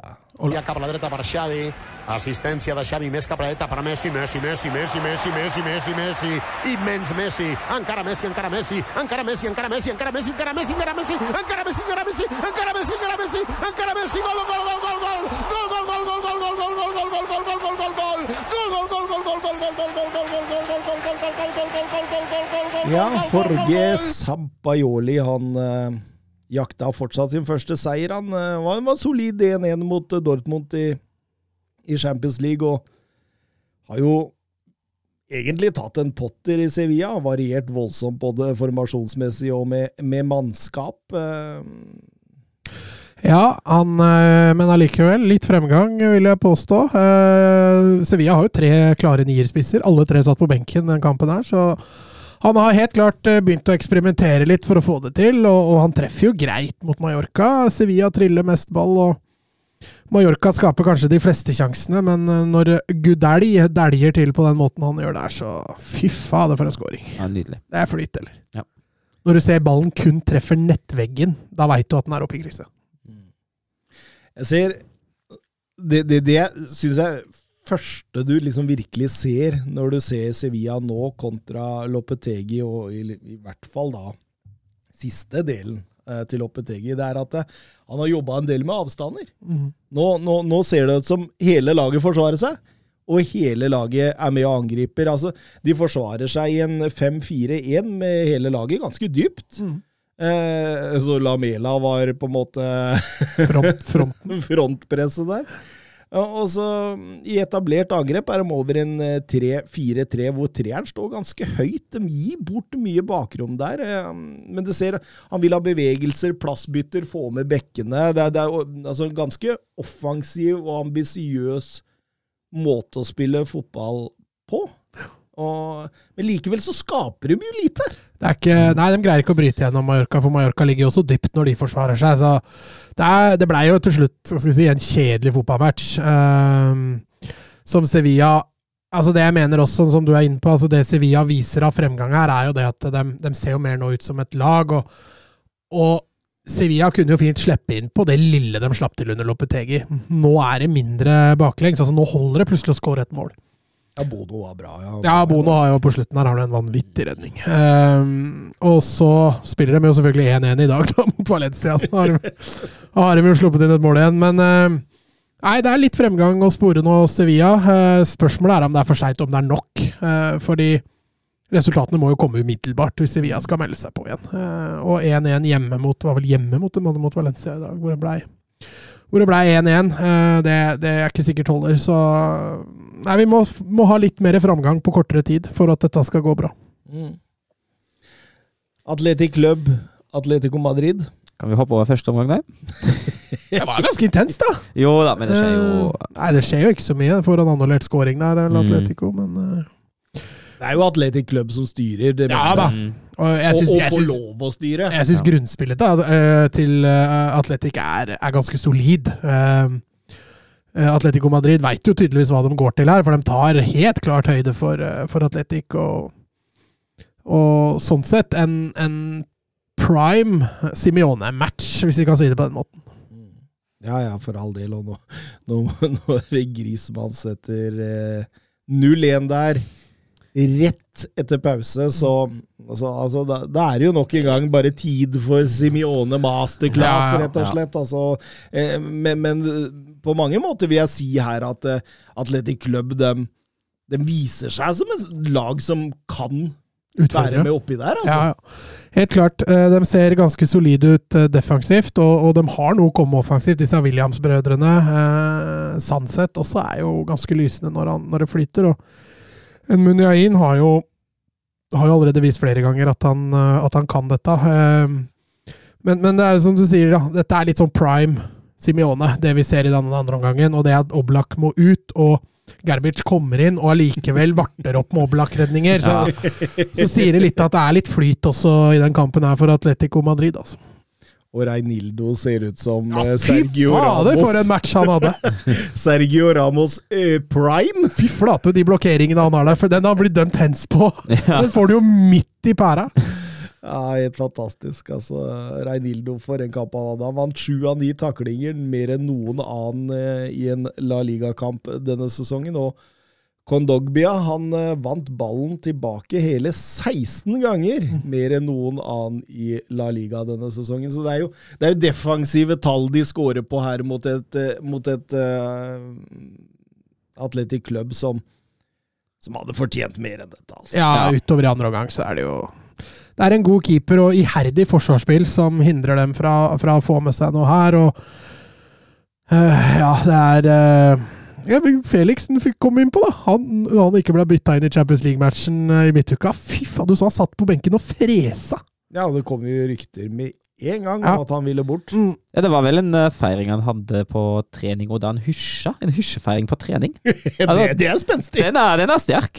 Så det bare på Twitter. Ja, det er da han skårer jo ikke kamp, så han må, må jo ta feiringene sine på trening. Ja, men det er fælt da, 22 år, eh, strålende fotballspiller, altså. Jeg håper han får movet sitt, men det, er- det, det er så vanskelig. da, Han kontrakt i 2026. Det er ikke lett å kjøpe Kosta sånne ikke han 100 millioner eller noe? Det er klart du skriver en langtidskontrakt med han, og Bilbao, nei, Bilbao sier jeg. Atletico Madrid slipper jo ikke han billig. Nei, det ikke det, vet du. Og han har jo ikke slått gjennom, så det er ikke noen klubber der som tør å splatte 100 millioner for han. Nei, Han har antydet hva han kan, men eh, så har det jo vært den skadeproblematikken i tillegg. Han hadde jo en voldsomt god periode i våres, men da ble han jo skadet igjen. Mhm. Mm, mm. Men uh, grinding Atletico Madrid de fortsetter å grinde seg oppover på tabellen og er nå helt i ja, oppe på den tredjeplassen vi tenker alle at, At der blir det. at det der blir dem.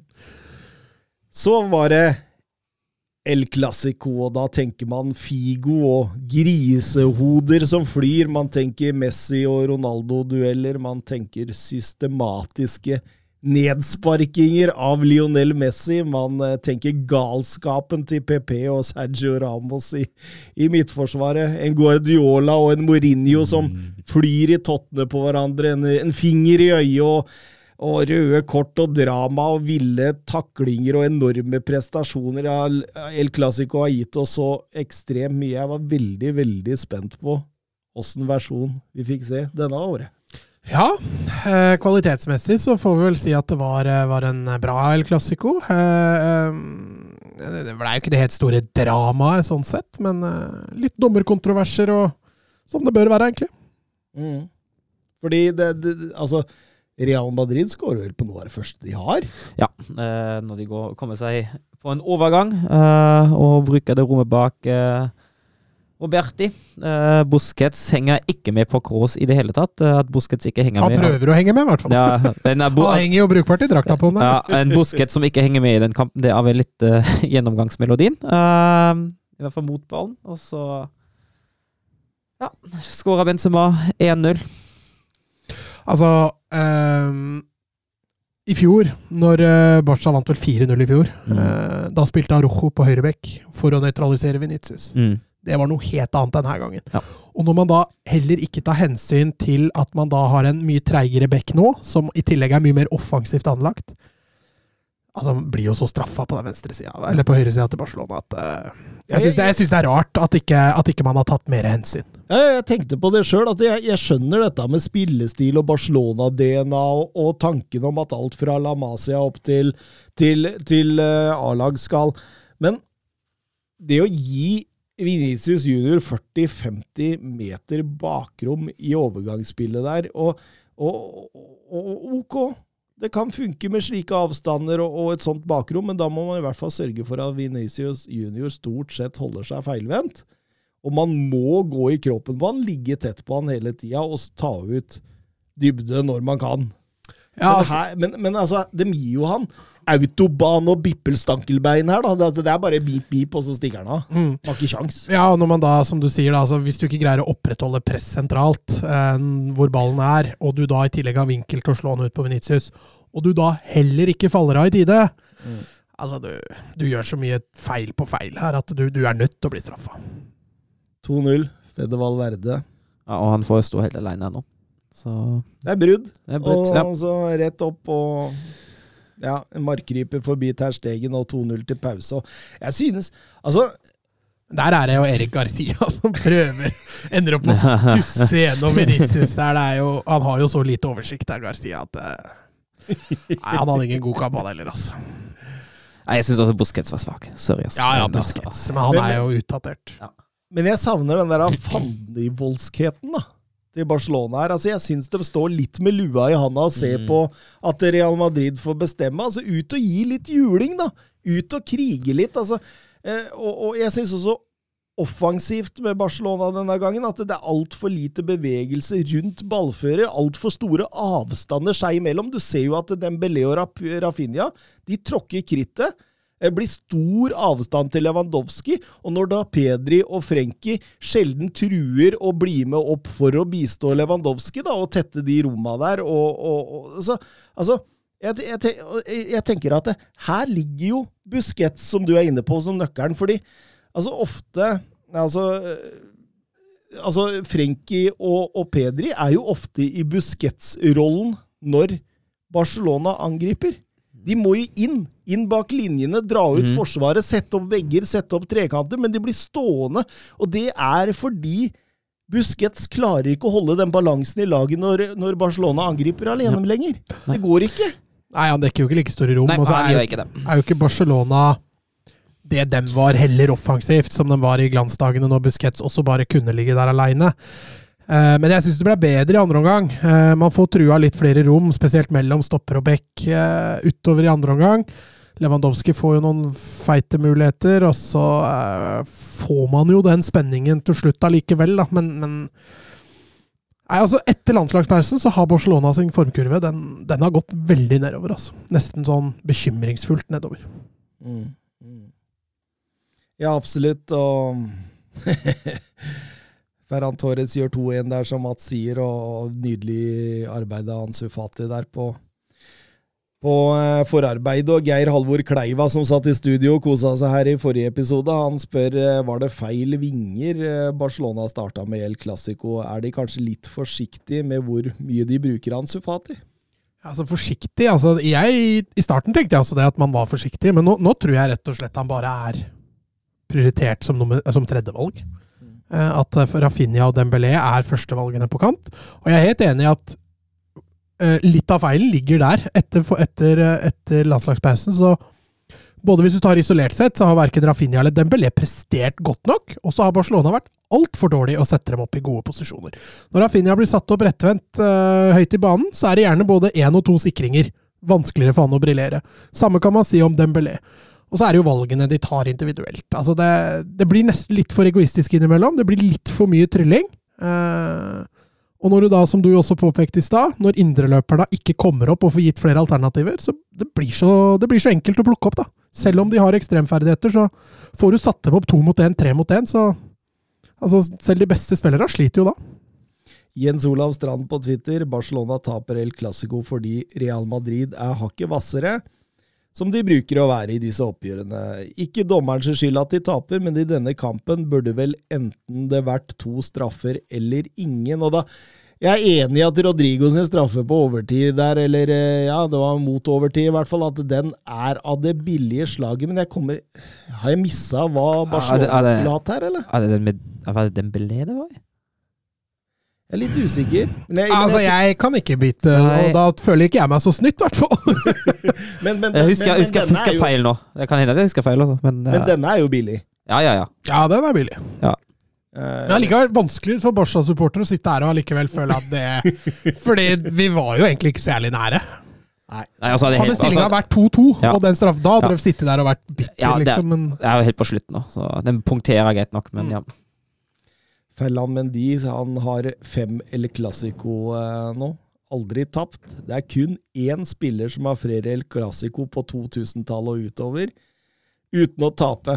Veit du hvem det er? ja, på rad. Nei, altså, han, han har spilt sju El Clásicoer. Han har aldri tapt. Ja, Og så er det én til som har flere. Ja. Sju Altså mer enn Nei, Ferland Mendy har fem, men han har sju, han som har flere. Oh, ja. Han har bare spilt sju Ja, og aldri tapt. Aldri tapt en El Clásico. Veit du hvem det er? Oh. Eh, Kan du si hvilken klubb, da? Real Madrid. Er han der nå? Nei, Har han det lagt opp? er, det er lenge siden han har lagt opp. Ja, det er, på, det Han er, det engel, han er engelskmann. ja, det er ikke Woodgate, liksom? Nei, Owen? nei, Beckham? nei. Ah! Steve Nei! McManaman. McManaman. Fy faen, det var eneste engelskmann som var igjen. Ja, det, var, det var på Lewandowski, den eh, straffen som Barca ikke fikk, ser det ut som. Ah, du har uh, googla Ja, opp nå? Googlet, ja. Mm. Jeg husker, jeg husker ikke det voldsomt godt heller, så Men det var ryddig av Jens Olav Strand her, da. Han var jo ganske klar på at, eh, at det var fortjent. Ja, åpenbart Barca-fan, tenker jeg. Ja, nei, men jeg syns det sjøl, jeg. Altså, den- altså, Barca har jo mest ball, og de, de har jo skaper kanskje sånn hakket litt hvassere enn det Real Madrid gjør totalt, men det er jo som han sier, eh, det virka som Real Madrid ville dette litt mer enn Barcelona, og da, da er det greit, da.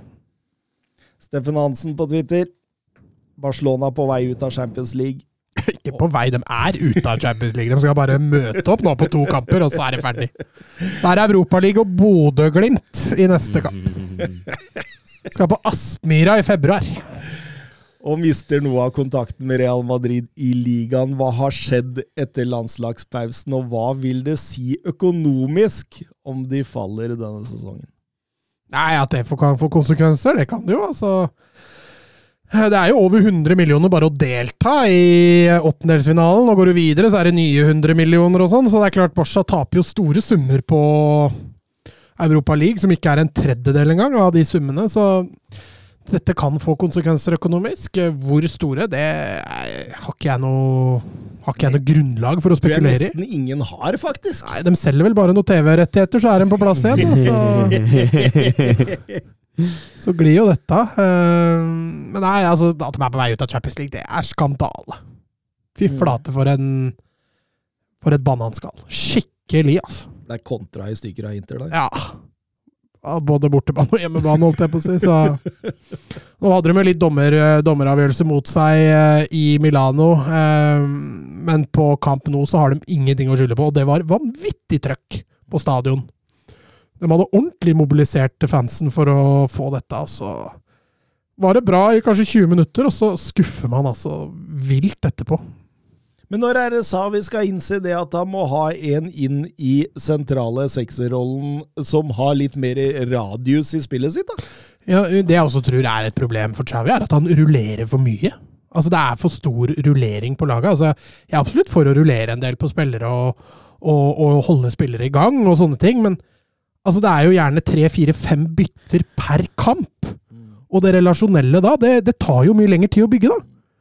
Eh, og han tvi, altså Nå er man jo nødt til å gjøre det defensivt da, pga. alle skadeproblemene, men Og det er jo kanskje offensivt det relasjonelle er viktigst. Ja, ja. Og når du da spiller med nye kantspillere Den, den eneste som er noenlunde fast, det er Lewandowski og Pedri.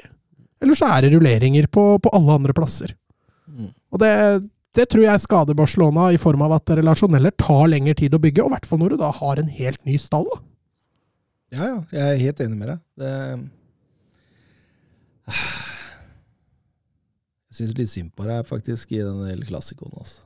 Det ble liksom over før han begynte. Ja, og det var litt kjipt, fordi jeg var jo på kamp på søndag. Mm. Så jeg skulle egentlig hjem og se den i reprise, og så glemte jeg meg bort litt, så jeg gikk jo inn på Twitter. Og der fikk jeg 2-0 til Real Madrid smengt rett i trynet med en gang jeg gikk inn der, så jeg visste jo litt hva jeg gikk til, så det var ikke noe gøy å sette på den kampen heller. Eh, Men eh, ja, heldigvis litt bedre i andre omgang, så får vi bare håpe at det gir eh, grobunn for det nye som kommer. For det Nå må de pine seg gjennom en hjemmekamp mot Bayern, som ikke har så mye å si, og så må de pine seg gjennom en Tsjekkia-tur. Og så har de to tøffe matcher nå, både mot Atletic og, og Villarreal, så de, de må opp på hesten igjen ganske kjapt. altså. Valencia, som du var inne på, Mats, de spilte 1-1 i dag. Det var 2-2 i helgen, og, og, og en målskårer ved navn Edison Cavani. Ja, var det de første han skåra for Valencia nå? Ja, den andre goalen er fin, altså. Eller nei, jo, den andre goalen, når han eh, timer opp hoppet sitt og går over keeperen der. Fy flaten, for en atlet. altså. Ja, nydelig, nydelig. Cavani er den femte søramerikaner som har skåret i fire av fem topp fem-ligaene etter årtusenskiftet. Hvor mange sa du det var? Det er eh, altså fem til sammen, og Cavani er en av dem. Som har skåret i fire av de topp fem-ligaene. Og du skal ha søramerikaner? Ja. Ja, i alle fire av fem. Prøv, da. Åh, den Alexis Å, Sanchez. der, der er du i gang. Uh, på 2000-tallet? Ja. Ja uh, Søramerikanere. En ting som Kavani. Ja, den Ja, men han var ja. Ja, men da er det riktig. Ja, det er riktig. Da er det 1-1 mellom oss. Radamel Fakao? Nei. Nei. Nei, han har ikke Nei. spilt Nei, han har ikke spilt i Åh, Men eh, ok. Men du kan fortsette litt i Colombia. Uh, Rames Rodriguez. Ja, der er du. Og så skal vi ha én brasilianer og én argentiner. En brasilianer. Oi, oi, oi, oi, oi. hvilke brasilianere har Har spilt? spilt i Barcelona. Brasilianer i Barcelona? Ronaldinho? Nei, det kan Jo, han er altså Og Nei, nei, Bayern nei. München. Eh, Coutinho, Coutinho. selvfølgelig. Den siste her, da. En Argentina? Ja. Mm. Og eh, hintet dere får, er kjøleskap. Baksiden av et kjøleskap. Hva Hvem var det som sa det igjen, da?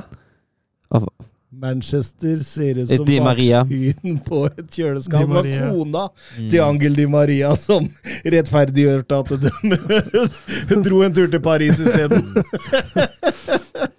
Det var også norsk duell. Celta Vigo mot eh, Real Sociedad. Ingen av de to spissene som utmerka seg nevneverdig, men Lareal driver og tar poeng for tida. Det er sterkt, ja. Ja, de er oppe på femteplass der og snuser og er A-poeng med Atletico Madrid helt opp til tre der, så det Ja, da, vi har vært inne på det før, vi. At Sociedad blir en, blir en utfordrer. Eh, At de fort ender på en europaplass, det tror vi vel egentlig at de fort kan gjøre. Og ja, nå ligger de jo ikke på den plassen akkurat nå, for nå leder jo Bilbao kampen i dag, men eh, ja. Og Betis og Villarreal vinner også sine kamper. Viktig for Real at uh, Villarreal at Danjuma Mm, er i gang. ut til å være litt i, tilbake i gang igjen der. De, de trenger den type spiller inn i det laget der, altså. Så den er stor for Emry. Um, skal vi gå til Bundesliga? Oh yes. Er macht ein richtig gutes Spiel. Jan Schimonek. Die Wolfsburger lassen so gut wie nichts zu. Grafit. Grafit gegen Lell. Jetzt wird's eine Demütigung. Guckt euch das an. Bist du verrückt? Bist du verrückt? Tor des Jahres. Die Bayern der Lächerlichkeit preisgegeben. Ja, der große, große, große Bundesliga. Og vi skal først til Wolfsburg. Vi skal til Wolfsburg mot eh, Borussia München-Glabach. Og som jeg sa til Søren, mens vignetten herja i deres ører, så er det Endelig fikk jeg sett Wolfsburg-kamp. Ja, så hyggelig, da. Det er fint. Det gjorde jeg òg. jeg syns de første 30 var grusomme. Um, ja, Oskar Cavello Holm, han har jo han har litt, Vi har skrevet litt på, på Twitter om den, og jeg synes de første 30 altså Det ser jo ut som at Kovac prøver seg på høyt press og høy gegenpressing uh, for å hindre at Borussia Mönchenglattberg uh, får satt opp den farkeballen uh, som de gjør. Uh, men det henger ikke sammen. Uh, salig, den offensive markeringen syns jeg er svak. Uh, Kroneeksempel er jo Ridle Baku, uh, som befinner seg alle steder, bare ikke der han skal være nå. Uh, Turam kontra inn 0-1 etter 12 minutter. Eh, samtidig blir man jo møtt altså Glattberg står litt sånn halvhøyt, Uh, eller forholdsvis høyt, da med en forholdsvis høy backlinje i en 4-4-2. Uh, og så tas det ingen løp bak den forsvarslinja. Uh, jeg syns Wolfsburg går seg fast på kant gang på gang, slår ganske planløse innlegg i boksen der man er én eller maks to spillere mot Glattbergs forsvar, og det leder til ingenting.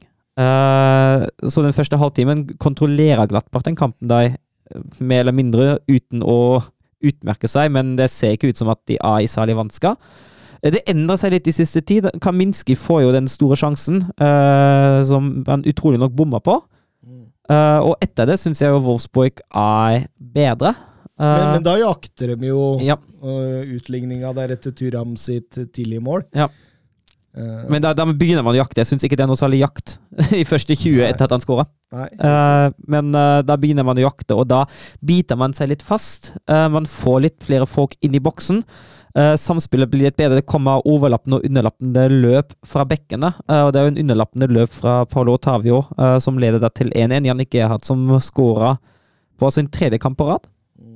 Ja, ja. Det er blitt uh, Blitt Wolfsburg sin uh, skåringstalisman. Men han, uh, altså, den posisjonerer seg jo fint i rommet og tar på en måte de dype løpa uh, som han skal.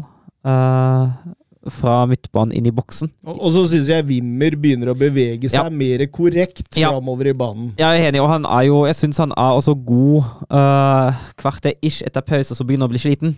Eh, men jeg er enig nå, han begynner å få litt, uh, få litt de bevegelsene på plass. At han, uh, han har litt teknikken, pasningsfoten og kreativiteten til å kunne stå bak litt, da. Mm. Det ser man.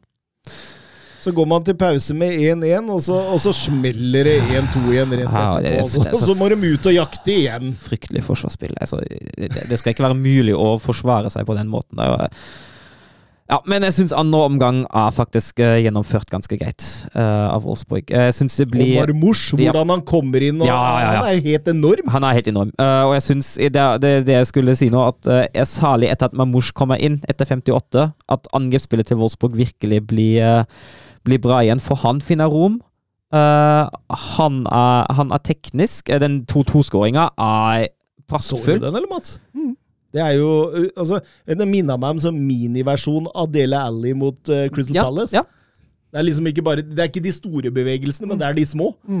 er jæklig artig på mål. altså Fantastisk Og- nedtak, altså- skudd og kontroll der. altså. Og så syns jeg presset til Wolfsburg uh, i andre omgang er klart bedre enn i første. Jeg syns den, eh, man står veldig tett på motspillet. Man vinner flere baller høyt. Og det der ser, ser klart bedre ut. Og så er det Wolfsburg som har de største sjansene mot slutten, og kunne fint ha vunnet den kampen. Jeg er litt skuffende at man ikke gjør det. Som og Marmoush Ja. store Ja. Og det frisparket som Glattberg har på slutten, det var ikke frispark. Det var, det var feil. Men uh, jeg hadde nesten straffa seg. Men ja eh, ble du sur på dommeren, da? Nei. Var du ute på Twitter og bare Nei, jeg, var, jeg, jeg, ble litt, jeg ble litt oppgitt, og så var egentlig min reaksjon så typisk om den går inn. da. Det var, sånn min, eh, min reaksjon da den ble blåst. Han Eh, sendte inn hat- og dommerspørsmål på Twitter til en uh, fotballpodkast. Da hadde, drittet Halpsei fått, fått kjørt seg i studio!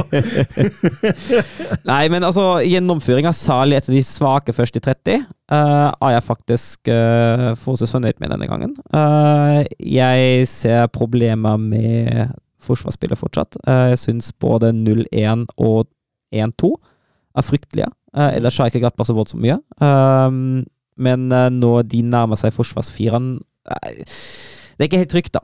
Um, men angrepsspillet er klart forbedret. Jeg syns trøkket i laget er soleklart forbedret fra det man så i starten av sesongen. Uh, Det blir ikke noe nedrykk nå, sånn som du var litt nei, altså hvis, hvis, hvis han fortsetter som i det sporet her, da blir det ikke det. Jeg syns også Kovac gjør mye smart fra sidelinja. Jeg Ja. synes også han ser veldig sånn Han ønsker dette, er veldig aktiv på sidelinja. Ja. Så jeg, Ja, ja, ja, altså, jeg, synes jeg er veldig enig i byttene i dag òg. eller ikke i dag, men i den kampen. Ja. Jeg er enig i at Mamouche kommer inn uh, for en match. Jeg er enig i at eh, at uh, Svanberg går ut når han begynner å se litt sliten ut. Jeg er enig i at Wimmer går ut når han ser litt sliten ut. Jeg syns han treffer på spillerne han setter inn.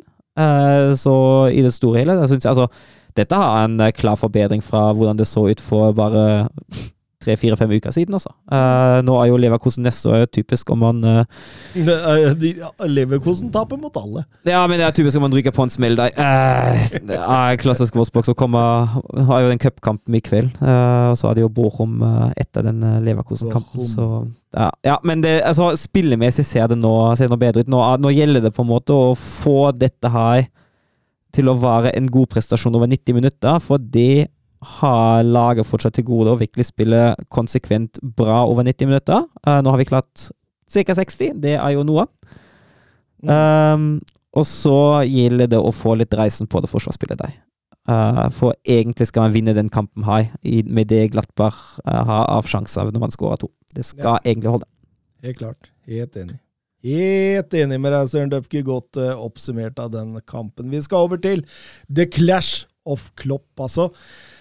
Leipzig mot Hertha Berlin. altså Begge trenere her, såkalte Klopp-elever eh, fra Mainz-tiden. De var til og med romkamerater når de var spillere i, i Mainz. Og, og Svarts er forlover til Rose, og, og Rose er eh, fadder til Svarts sine barn. og det, det, det, det, det her er det bromance. Og eh, Råses reise gjennom uh, fortida, den, uh, den fortsetter. Den fortsetter. Han har bare starta gjennom hele karrieren sin! Det er utrolig artig. også. og så merker jeg noe når kampen setter i gang, og da kommer jeg til å tenke på Har dere lyst på en ny episode av Thomas tolker tribunesanger? Dere husker jo sikkert Lillian og jeg som ble sunget på en Premier League-kamp der. Og, og nå fikk vi en ny slager fra RB Leipzig-fansen der, for ganske tidlig i kampen så synger de En sulten far, en svigerfar og ja. Hei, en sulten far, en svigerfar og ja. Hei. Nå hadde jeg gjerne kommet med, en, med min tolkning, men jeg, hørte faktisk, jeg så faktisk på kampen uten lyd, jeg. Ja. Jeg flirer, ass. Det hørtes ut Vet du Da skjønner jeg du flirer, hvis det var det de sa. Ja, det var det, var det de sa. det sa. Ja, det var det jeg hørte. Hva er det de egentlig synger, Søren? jeg aner ikke. Jeg, hadde hørt kampen, jeg så på kampen uten å ha lyd på. Men det var, var trøkk fra dem i hvert fall, når de eh, dunka til med den. Det Ja. er ingen tvil om det. en sulten far og en svigerfar? Ja, det hadde jeg trykka til på, faktisk. Skal, skal vi si at det var hva, hva høres det ut som de kan ha sunget? Det er Vanskelig å si, altså. En svansisfrar. Nei, nei, nei, nei. Jeg, har ikke, jeg har ikke peiling. Svansesnabel, kom- svigersnabel, hei! hei. Svigersnabel! Nå får vi faen meg e òg! Svigersnabel! Altså, I Wolfsburg synges til den melodien synger man 'einmal Wolfsburg, immer Wolfsburg'. Altså en gang Wolfsburg, alltid Wolfsburg. Kan være det. Sang det, sang det for deg. Ja.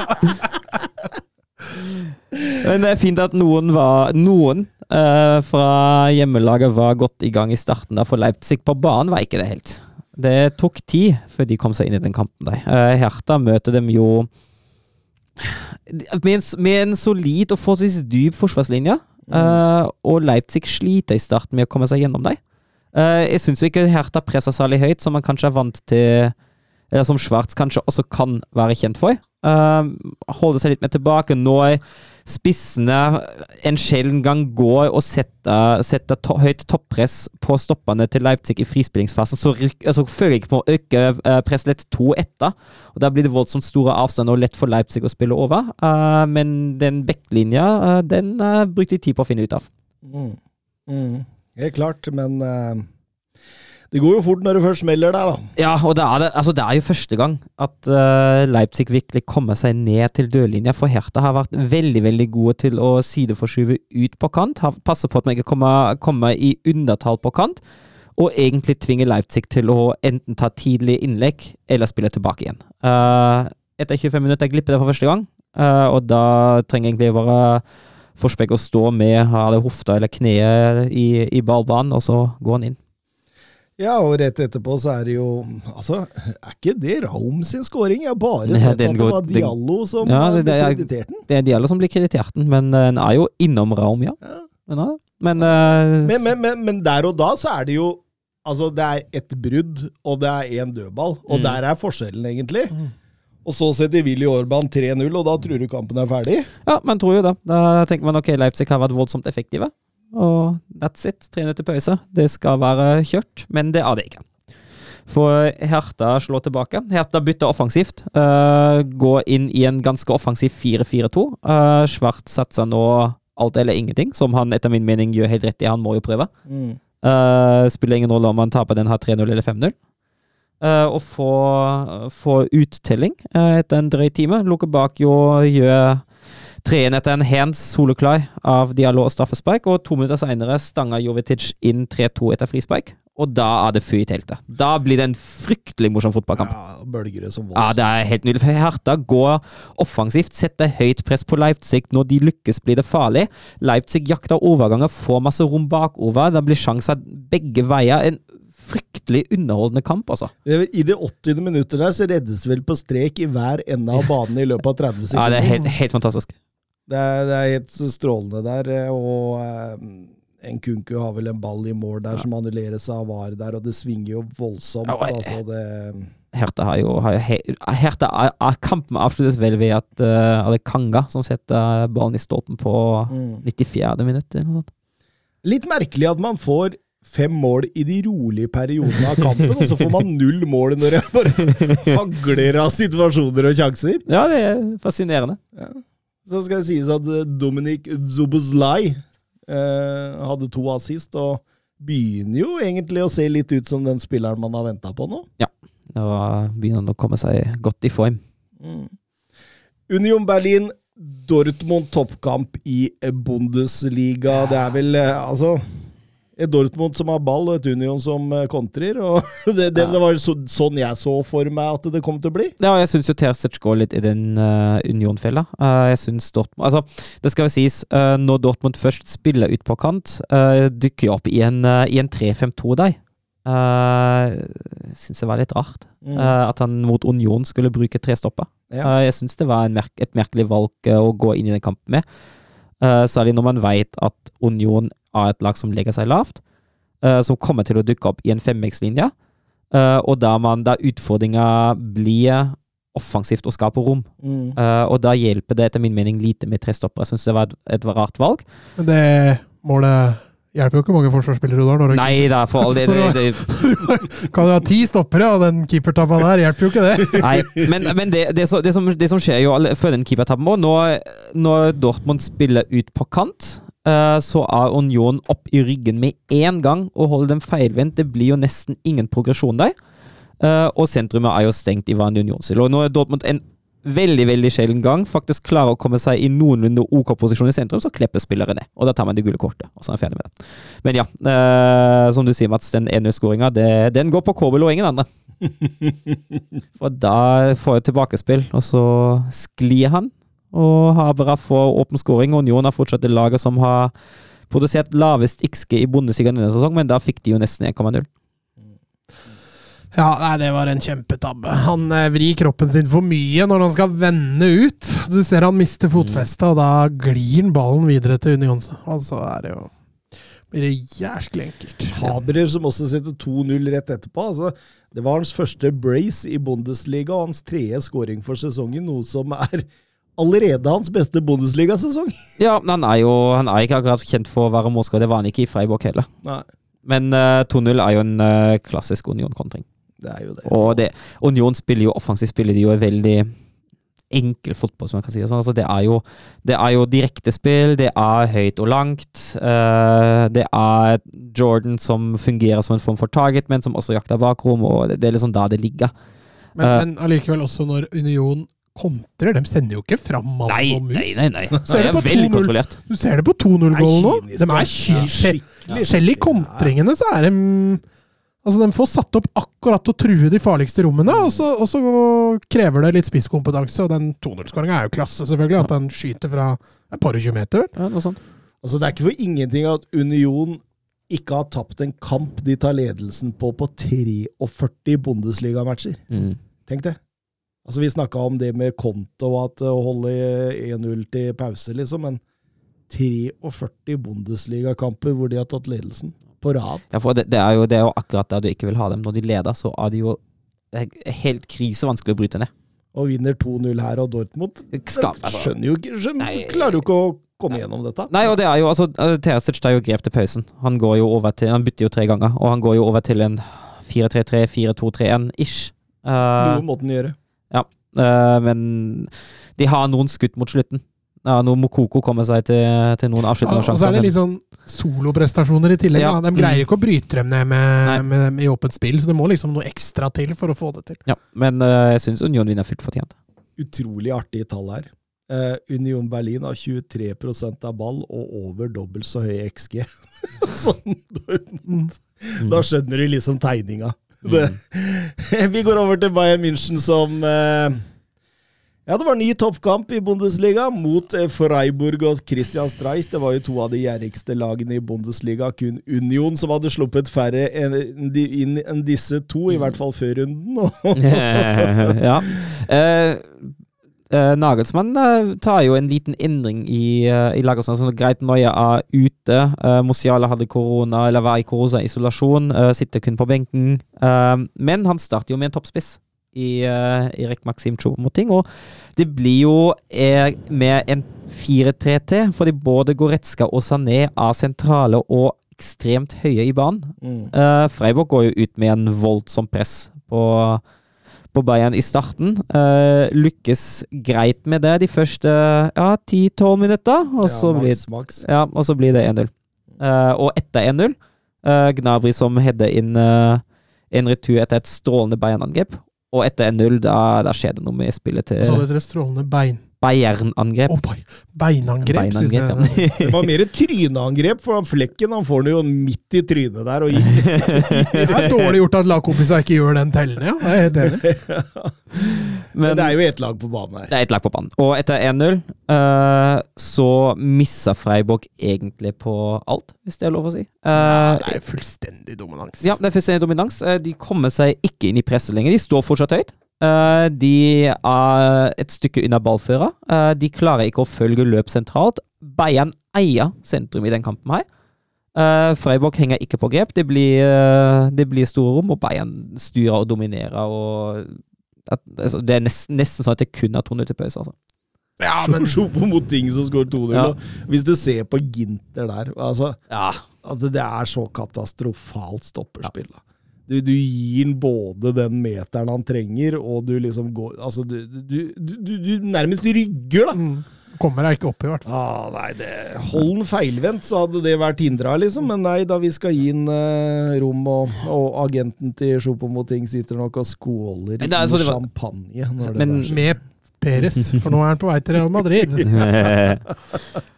og etter pausen er det jo Bayern som overlater ballen litt til Freiburg. Det ser nesten ut som at de hviler seg litt. Ja. Uh, så, Likevel da, det Sané gjør et ja, ja, par, par ganger på rad. Ja, ja, ja.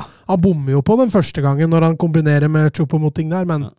når han først treffer, da Ja. Fytte. Det er litt Arin Robben-vibber over den Mm. 3-0-skåringen. Mm. Deilig, deilig. Eh, Sané som har vært litt sånn opp og ned i Bayern-trøya. På det beste så er han jo en av verdens beste. Ja. Jeg så en sånn liste, topp ti fotballspillere som har gått glipp av kamper og dager i forhold til hvor lenge de har vært skada. Mm. Ja, Diaby i Arsenal, han leda jo, det var jo ikke noe Mm. Han hadde flest, men Arjen Robben lå på andreplass. Altså, han har gått glipp av over tre år trening pga. skader. Ja, Sané er nå skada, han òg. Så Ja. kjipt for Bayern. Fordi i den kampen har han virkelig Eh, ja, og altså, laget uh, Mané 4-0 etter 55, og da, da er jo den kampen Ja, over. Og Bay- Bayern setter 5-0, Ja. og de, de får lov å bruke troppen Ja. sin og kan slappe av og kose Ja. seg. Og det, nei, det, er, det er fullt eh, kjør her. Streich sa etter kampen at vi var rett og slett ikke gode nok. Spillerne var ikke gode. Jeg var ikke god nok. Vi prøvde å gå for, for det, men det var feil av oss. Og så er etterpåklokskap en herlig ting, sier han. Og jeg mistenker jo at det er litt sånn de var i Frankrike. Sterk seier mot Nant, 4-0. Ja. Mm. Altså det, er, det, det, er, det er en øvelse de er i ferd med å drive med nå. og det, At det skal svinge litt, og særlig når du møter altså, Bayern på toppnivå. Ja. Ja, da, da, da må alt klaffe. Ja, og særlig, særlig, når, særlig når du har den inngangen der, at du velger å gå inn med såpass høyt press, da må det i hvert fall klaffe. Da spiller du med ekstremt høy risiko. Og når det ikke fungerer, så kan det bli stygge konsekvenser. Hadde nesten vært bedre, som man, som man sier, da, hadde nesten vært bedre å bare legge seg bak og prøve å holde på null, og ta de overgangene som kommer. Frankfurt Leverkosen må ta bitte litt over det, og det var to lag som kom fra tap i Champions League. Eh, tid for å slå tilbake i Bundesliga, og, og Sabi Alonso der, som, som etter 4-0-seieren har gått på, på to stygge tap, eh, inkludert denne, da, men det blei 5-1 og fullstendig slakt. Fullstendig overkjøring òg. Uh, Lind, Lindstrøm, han var kul! Han er, Ja, han er, ja. Han er bra, ass! Han var, han var bra i Den goalen, chip-goalen hans der, Ja. fy flate Ja, for klasse. Med Kolomani òg. Ja. De, de, Ja, har han er- mye spennende ja. spillere her. Ja, og altså, i andre omgang eh, Særlig i andre omgang er det jo Det er jo nesten klasseforskjell der ute. Det er jo fullt fortjent at Frankfurt vinner, vinner såpass høyt som de gjør. Og ja, Leverkosen har fått uh, Ja, det var en av dine utfordrere til Ja, ja, og det før sesongen, altså med tanke på at de har jo ikke mista Altså, de hadde det som vi har oppfattet som en, eh, som en veldig uh, dyktig trener. Uh, De har ikke mista noen av de store stjernene. De hadde en tropp uh, som virkelig var spilt inn, da spillerne kjente hverandre, da automatismene skulle, skulle gripe inn. Eh, og da, da Dortmund fikk uh, den forferdelige nyheten om Aller, da tenkte jeg nå kan det være Leverkosens tur. Da tok jeg voldsomt feil. Husker jeg og Mats gjorde et stort nummer at vi satte Dortmund over eh, Leverkosen på tabelltipset vårt, eh, tross dine anbefalinger. Ja, og det er jo helt riktig nå. Det er jo helt riktig. Vebjørn Fredheim, hvor er Alonso-effekten? Eh, var ikke dette et lag som ble tippa helt i toppen, da? Begynner å bli langt opp til midten nå? Ja, det blir det. De ligger på kvalik med hele åtte poeng. Uh, Al Alonso starta med seier, gjorde han ikke? Alonso startet med seier mot Schalke etter to dager. Eh, og så hadde han jo nå midtukekamp eh, borte mot Porto, og så kamp igjen, så han har ikke hatt en hel treningsuke. Men 3-0-tap mot Porto. Ja, Ja. ja. Men i, i vis forutsikt uh, så har jo Leverkosen meldt seg ut av DFB-pokal eh, i første runde mot Elversberg, slik at de har nå en hel uke til å trene.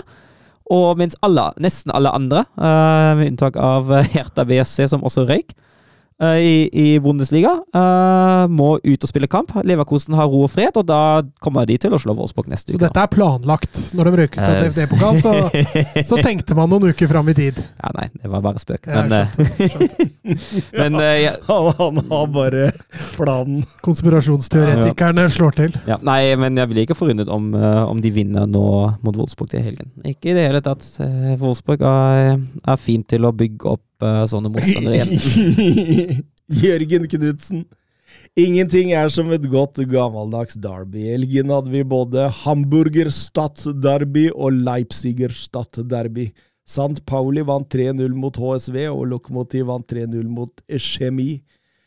Tyske derbys har ofte politiske undertoner, høyre mot venstre. Hvilken av disse er verst og størst, Søren Døpker? Altså, Med tanke på politikken, eh, med tanke på motsetninger, da er jo det Leipziger derby. Uh, kjemi mot, uh, mot lokomotiv. Det er jo det med de største motsetningene. For da har man to supportergrupperinger som har såpass voldsomt forskjellig òg. Kjemi er en uh, klubb som er preget på ytre venstre. Ytre venstre. Uh, Lokomotiv Leipzig er en klubb som er preget av ytre høyre. Selvfølgelig ikke alle i supportermiljøet er enten det ene eller det andre, men Er sosialister mot nazi? Nei, altså, som sagt, ikke alle, da. Men, eh, men du, har, du har de politiske innslagene eh, i begge ultrasgrupperingene, eh, og de gjør seg gjeldende, gjeldende på, på kamptak da òg. Blir det slåssing og Hvilket nivå er dette på? det er nivå fire. Men det, er, det pleier å være ganske stemningsfulle affærer. Uh, Hvor mange tilskuere kommer det på sånne kamper? vet du, det har jeg ikke sjekka, men det pleier å være godt besøkt, altså. Det Mm. pleier å trekke litt folk til det. Ja, men godt besøkt, er det 800, eller? nei, vi, vi, snakker, vi, snakker, vi snakker flere tusen, nei. Ja. Vi gjør det. Uh, uh, det er jo tross alt klubber som har forholdsvis, forholdsvis stor supporterbase til å være på, på det nivået der. Uh, og det, det er nok, uh, i hvert fall på de øvre nivåene i tysk fotball, det, det som er mest politisk uh, politisk prega, da, tenker jeg. Jeg kommer i hvert fall ikke på noen andre. At man har, man har derbyer som er Så, vi, såpass, så, så hvis vi skal gå på breddekapp i Tyskland, så burde vi finne den Leipziger Stadt-derby. Enig. Eh, Jeg har, sett, eh, jeg har sett både Kjemi og Leipzig på stadion, ikke mot hverandre. Eh, Men det ble bluss fra begge leirer. Det er god stemning fra begge leirer. Jeg, jeg så begge to på bortekamp i Berlin-området. Det er en fin opplevelse, det. Nydelig, nydelig, nydelig. Tysk fotballkultur, det er ganske kult. Ja, det er bra. Jeg har vært en tur i Hamburg også, men da fikk jeg ikke gleden av Det var ikke fotball du så på? Da fikk jeg ikke gleden av å se Hamburg mot San Pauli. Det var en eller annen vennskapskamp jeg har vel fortalt om den før tidligere. Hvor eh, det bryter ut full, full, full slåsskamp i den proklamerte som verdens beste og fineste. De, var så gode venner! Og det, bare- bare, bare hagla ølglass og slag og høyre og venstre, og jeg sto midt oppi der, og jeg bare hørte han ene skreik liksom på sånn tysk, da, men jeg skjønte at det var det han sa. Han bare Eh, hvis vi har venner som det, da! Hvem trenger fiender? Og bare hoppa inn i Nei, det, det, det er- nok av, god stemning i, i uh, Tyskland. Ja, det er det. Det pleier å være. Og så til og med ned på, på lavere nivå, på nivå 3, nivå 4. Uh, til og med da pleier det å være god stemning. Jeg så vel en kamp på i Tyskland sist, var det nivå 5, og til og med da dukket noen syngende supportere Og Det er helt nydelig. Helt strålende. Gleder meg til 90 minutters Tyskland-tur. altså. Det blir bra. Det blir bra. Vi går over til eh, Gleder meg til 90 minutters sykkeltur. Serie A. era il marcatore di Cannavaro. Palla tagliata, messa fuori, c'è Pirlo, Pirlo, Pirlo, ancora Pirlo di tacco, tiro,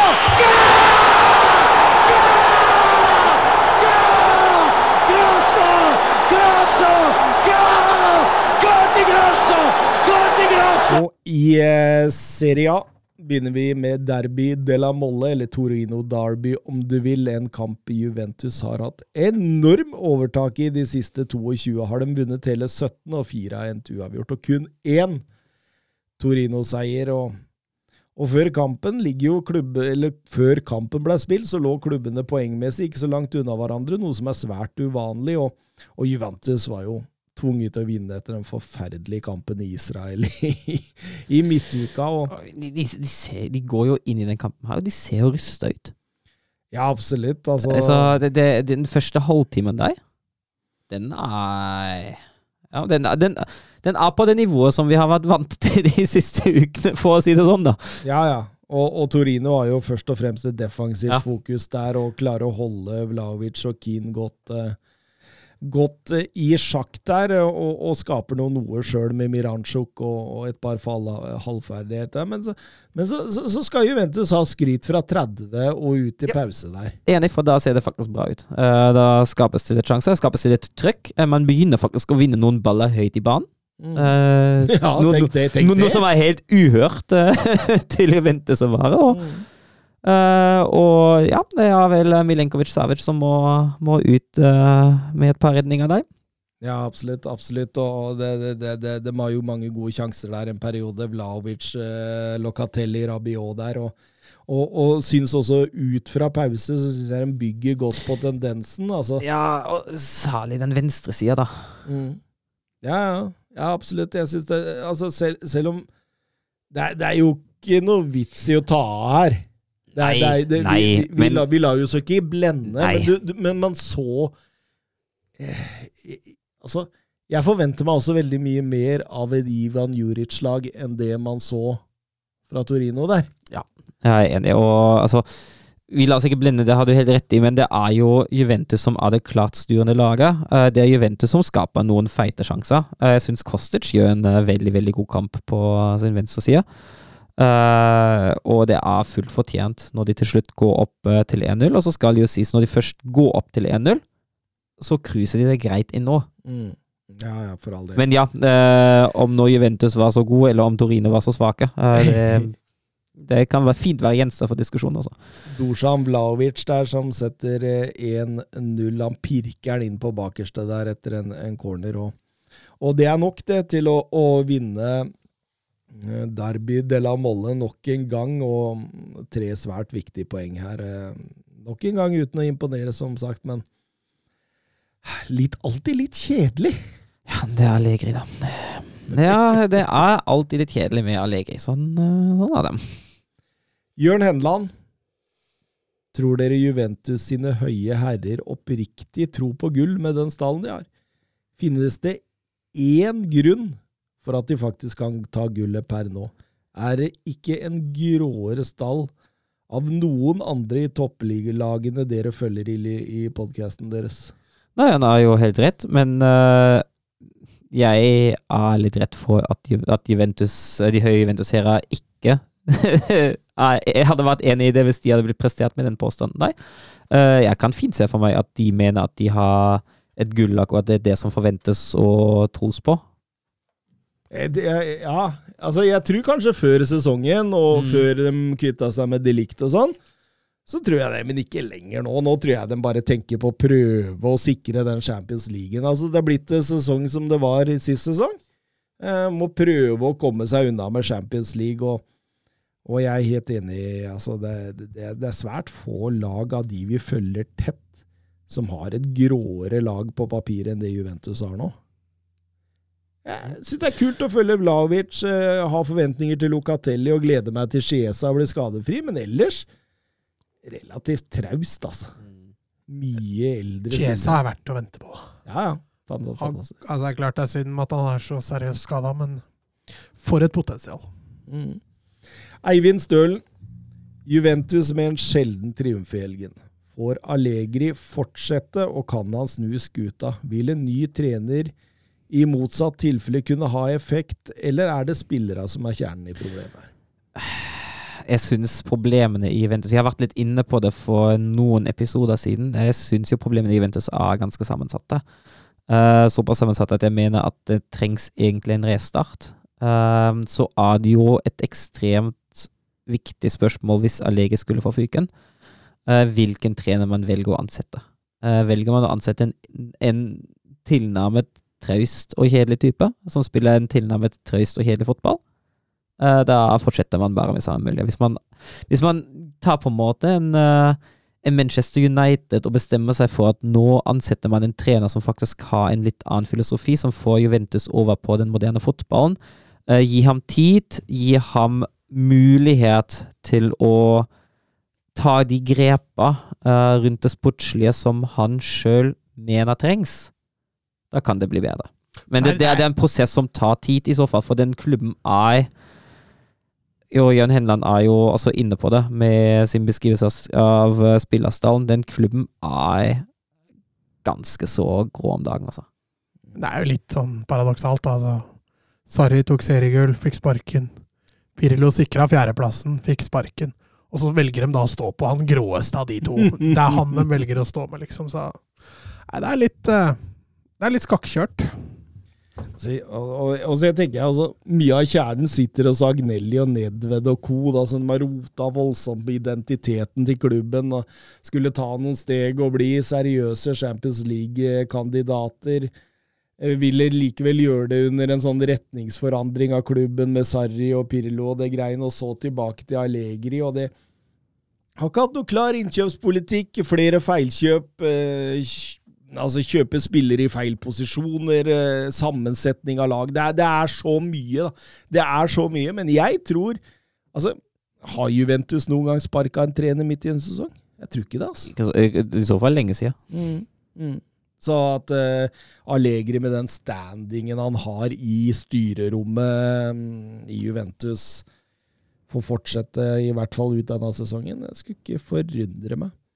Men det er ikke noe automatikk i at uh, at det skal komme inn en ny en her og bare snu helt om på skuta. Altså, det, det, det er ikke Jeg, har det. jeg føler ikke de har spillere til det heller. Altså, da må de i så fall drastisk legge om for å spille Vlaovic-fotball. ja. Da kan de greie å snu sånn skikkelig Spille Dusan Vlaovic god. Mm. Ja. ja, for det er jo stort sett uh, det de har av offensiv skyts. Så altså, Milik har vært bra, han for så Ja, men Han er jo litt lik Vlaovic, da, sånn Mm. spillertype. Så rapporteres da Pogba er tilbake i trening, gutta.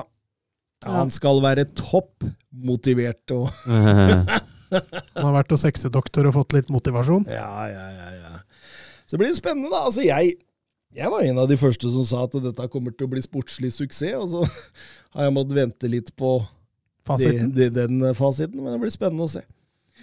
Um, Inter, ingen som helst problem med Salernitana. Hadde full kontroll fra start til slutt. Eh, det, altså, det, Salernitana har tre-fire minutters perioder her og der, men ellers er det jo full eh, overkjøring og Kan vi rose den Chalanoglu-pasningen før 2-0?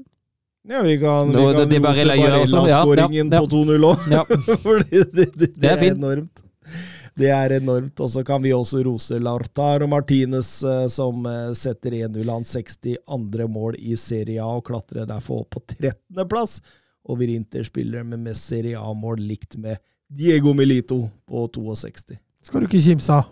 Nei da, nei da, for all del. Da har du, da har du gjort det bra, men de cruiser seg til 2-0-seier. og det, det er liksom ikke så mye å snakke om her. Det som er noe å snakke om, det er at Inter blir lagt ut for salg for tida. Denne Chang-familien, eh, som eier majoriteten av aksjene i klubben, eh, ønsker seg en ny kjøper, ifølge Financial Times, og, og har satt eh, American Bank, eller den Rainy Group, som bisto Todd Bowley å overta Chelsea, og, og The Goldman Sachs, som allerede skal være involvert i en prosess her. Altså. Så får vi se, da, hva dette ender med. Spennende. Det kanskje blir ny superklubb, Mats. Kommer et eller annet sånt land og bare haier flere og flere klubber. Åh. Det kan jo være Malta, da, så får vi Får vi snart VM på Malta? Ja, det vært hadde vært hyggelig, Søren! Da får du vilja di! Det var ikke min vilje. Søren Døpke, 90 minutters Senterpartirepresentant. Her skal, her skal vi Her Alle- skal vi alle ut i distriktet. Alle skal få. Um, Napoli, Bologna 3-2. Uh, er det lov å være litt skuffa over at Juan Jesus er den som erstatta Ramani i hans skadeproblemer nå? Nå starta han jo både Champions League og denne kampen. Det betyr at Østigård Er fjerdevalg. Ja, Ja, han fikk jo en start tidligere i sesongen, og så har han ikke fått så mye spilletid etter det. Eh, Så selvfølgelig litt skuffende at eh, at han heller ikke får sjansen hjemme mot eh, Bologna. Nå var det jo ikke sånn fyrverkeri defensivt for Napoli, dette her, så det kan jo hende at han får sjansen. Men ja, nå har han som sagt to kamper på benken hvor det hadde vært en mulighet.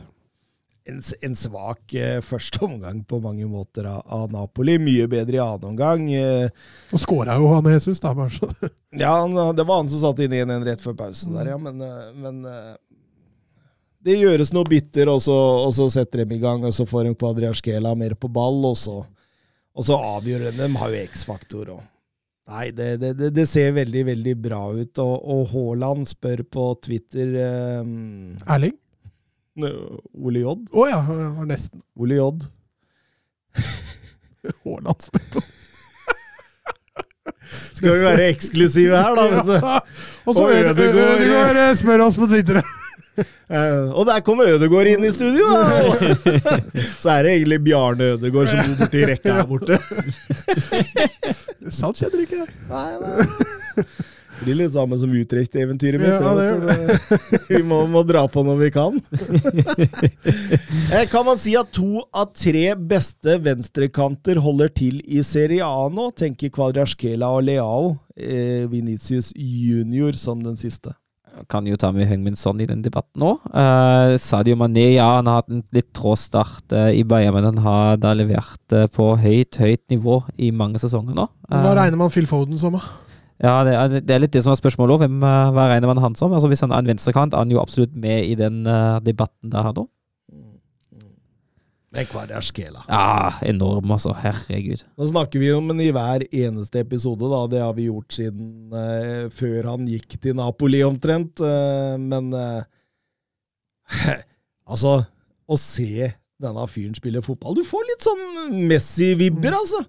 Han kan gjøre ting sjøl. Altså, det, det er så enorm individuell kvalitet på han at du kan le deg i hjel. Og, og så leser jeg et intervju med Victor Oshimen, eh, som sier at vi snakker om en Ballon d'Or-vinner i, i, i løpet av kort tid, og han sier at eh, hvis dere tror dere har sett noe av han til nå, så kan jeg bare si at det har dere ikke. Dere har ikke sett noen ting ennå. Det han gjør på trening, det, det er en annen verden. Altså, hva er de kjøpt for? da? Åtte millioner euro? Det Ja, nei, Her har de utvilsomt funnet gull, men det er klart at det er det neste steget også, som er viktig for han. Så åpenbart at han har funnet en klubb som er bra for han, for han får masse spilletid i en av de beste ligaene. Uh, I løpet av kort, kort tid så er han super ettertrakta, og de kan cashe inn store summer. De Laurentiis sitter bare og gnir seg i hendene for hver assist og hver goal her nå. Det er, nei, det er helt uh, meningsløst uh, sterkt. Og så skal vi ta med oss at eh, Victor Oshimen blei ble, matchvinner her. da. Kom ut fra benken og, og rett inn og blei avgjørende. Og ser bra ut for Napoli nå, altså. Ja, ja, det har vi snakka om hele sesongen, at dette At dette De har greid å erstatte det bra, det har vi snakka om før, og nå Altså, de greier ikke å få luke riktig ennå, men uh, greier de å holde dette gående, så, så blir det vanskelig å ta Napoli. Hellas Verona mot eh, Milan. Det var duket for Salvatore Borsettis debut som Hellas Verona-trener. Han tok jo over for Schioffi, som fikk sparken forrige helg etter et tap mot Salerniterna. og Hellas Verona er innom en grusom rekke nå. Fire strake tap, kun én seier gjennom hele sesongen. Og det var mot Sampdoria, som også sliter blytungt. Altså, det er langt fra det Hellas Verona-laget under Ivan Juric som vi hylla som et mini-Atalanta. Nå, nå går det rett hjem, altså. Ja, men de prøver seg tilbake til de taktene, i hvert fall. da. Jeg syns jo de starta kamp med å, med å prøve seg på et høyt press. Ja, for, for all del. Men det Det gir jo Milan rom bakover. Det gjør det. Og, Og, og ja. Meluso får et selvmål der som gjør at Milan får en tidlig ledelse. Og Giro er jo millimeter unna 2-0 Mm. minuttet etterpå. Da kunne det blitt plankekjøring, men isteden så er det faktisk uh, Så er det faktisk tysk scoring i Serie A. Ja, Gunther. Ja, som ja. Uh, utligna. Var ved, ved god hjelp av Gabbia går vi via da. Ja, så vidt at det ikke er selvmål, det òg, da. Koray Gynter gjør 1-1, og det er quiz til Søren her. Jeg blir veldig overraska om Mats tar denne. Koray Gynter er tredje tysker som skårer Serie A-mål for Verona. Herregud. Hvem er de to andre? Å, herregud. Nei, fy fader. Uh, Jeg hadde også blitt overraska hvis jeg hadde nådd den, faktisk. ja, det, det blir overraska hvis jeg tar det her. Klåse! Eh, Nei, det, er, det er en tidligere med. stopperhelt fra VM i 1990. Å, herregud. Er det, er det Cola eller samme? Nei, samme har ikke spilt 19... Å, Thomas, nei. Thomas Berthold. Å, Berthold, ja. Herregud. Han skulle ha skåret to mål, og så Hans Peter Brigel. Har Ja, jeg ikke hvem er det engang. Nei, det Ja, det Det, det er før din tid, si! Det er litt før min tid, ja. Det hadde vært bra om du bare Jo, men det er, Ja, det, det, det, det er Brigel og Berthold, det. Søren, nå må du skjerpe deg!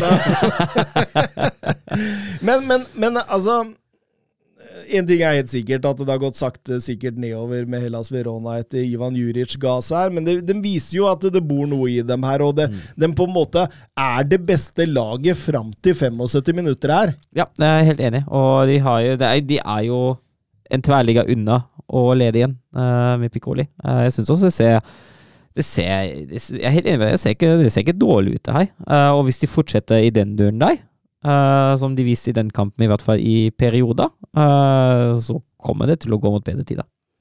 Men Milan, selv på dårlige dager, Mats, så har de individuell kvalitet, og en av dem er Sandro Tonali og Rafa Leao.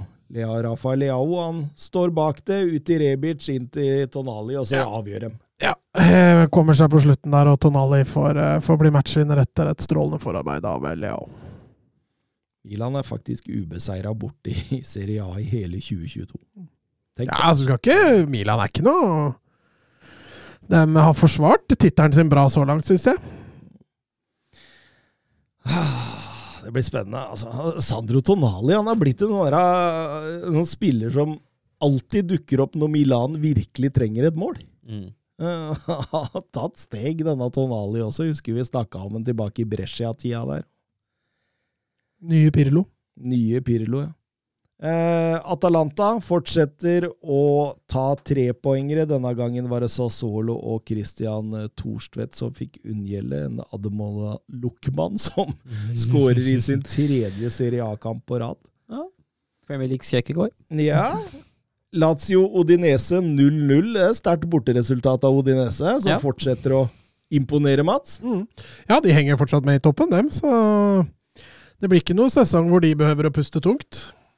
Og vår kjære José Mourinho tar en grinding seier mot, mot fortapte Sampdoria i bånn der, og det måtte straffespark til. og Det betyr at jeg så XG-en, den var ganske høy. Jeg fikk ikke sett den, for han ble spilt mandag kveld. Da sto jeg i LSK-hallen, som sagt, men eh, åpenbart så har han bomma på ganske mange sjanser denne Som gangen. vanlig. Men XG på straffe er jo ganske høy fra før, da. Ja, Så 0,78. Ja, jeg tror det var borti treet. Ja, såpass. Ja. han bomma på sju straffespark. da.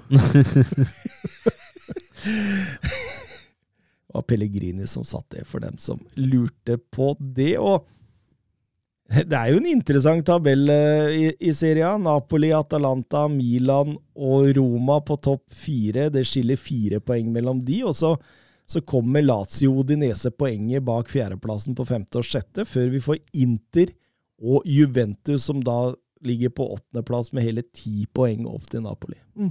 Men det er liksom ikke kjørt. Nei, det kan alt skje. Men det er et lite hopp ned, da, for Sassolo på niende igjen. Dem eh, ligger enda et lite stykke bak Ja. igjen, så Han har delt seg i to. Ja, han er i ferd med å dele seg nå, den tabellen. Mm. Vi går over til Ligue Ø. sur la frappe de Messi de, De de Mercado, Mercado.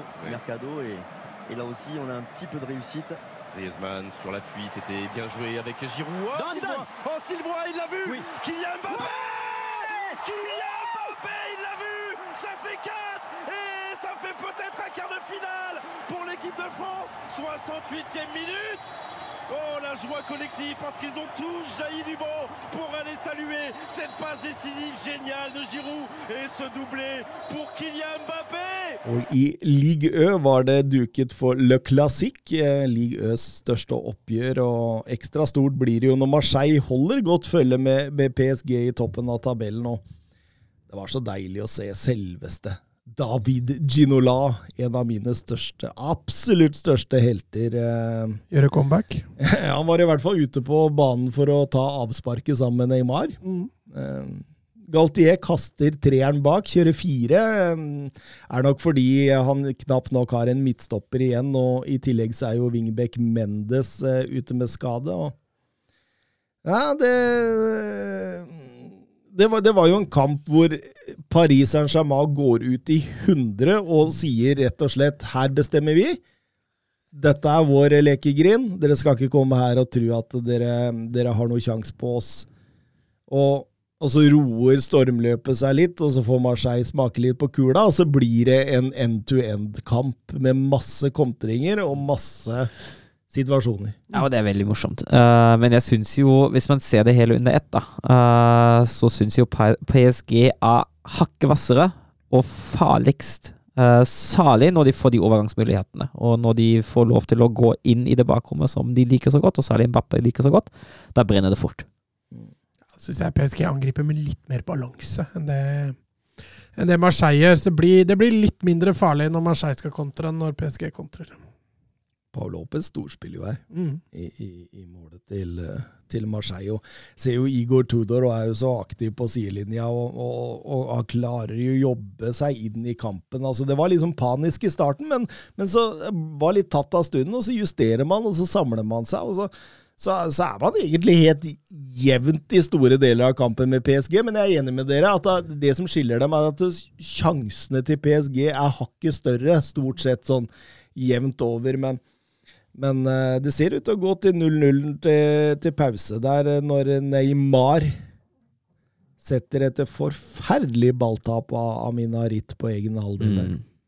Slås rett opp til Mbappé, som serverer Neymar. Og da, Mats, Da har Mbappé en assist. da har Mbappé en assist til Neymar. Ja, helt utrolig. Og, og, og, og de klemmer i tillegg.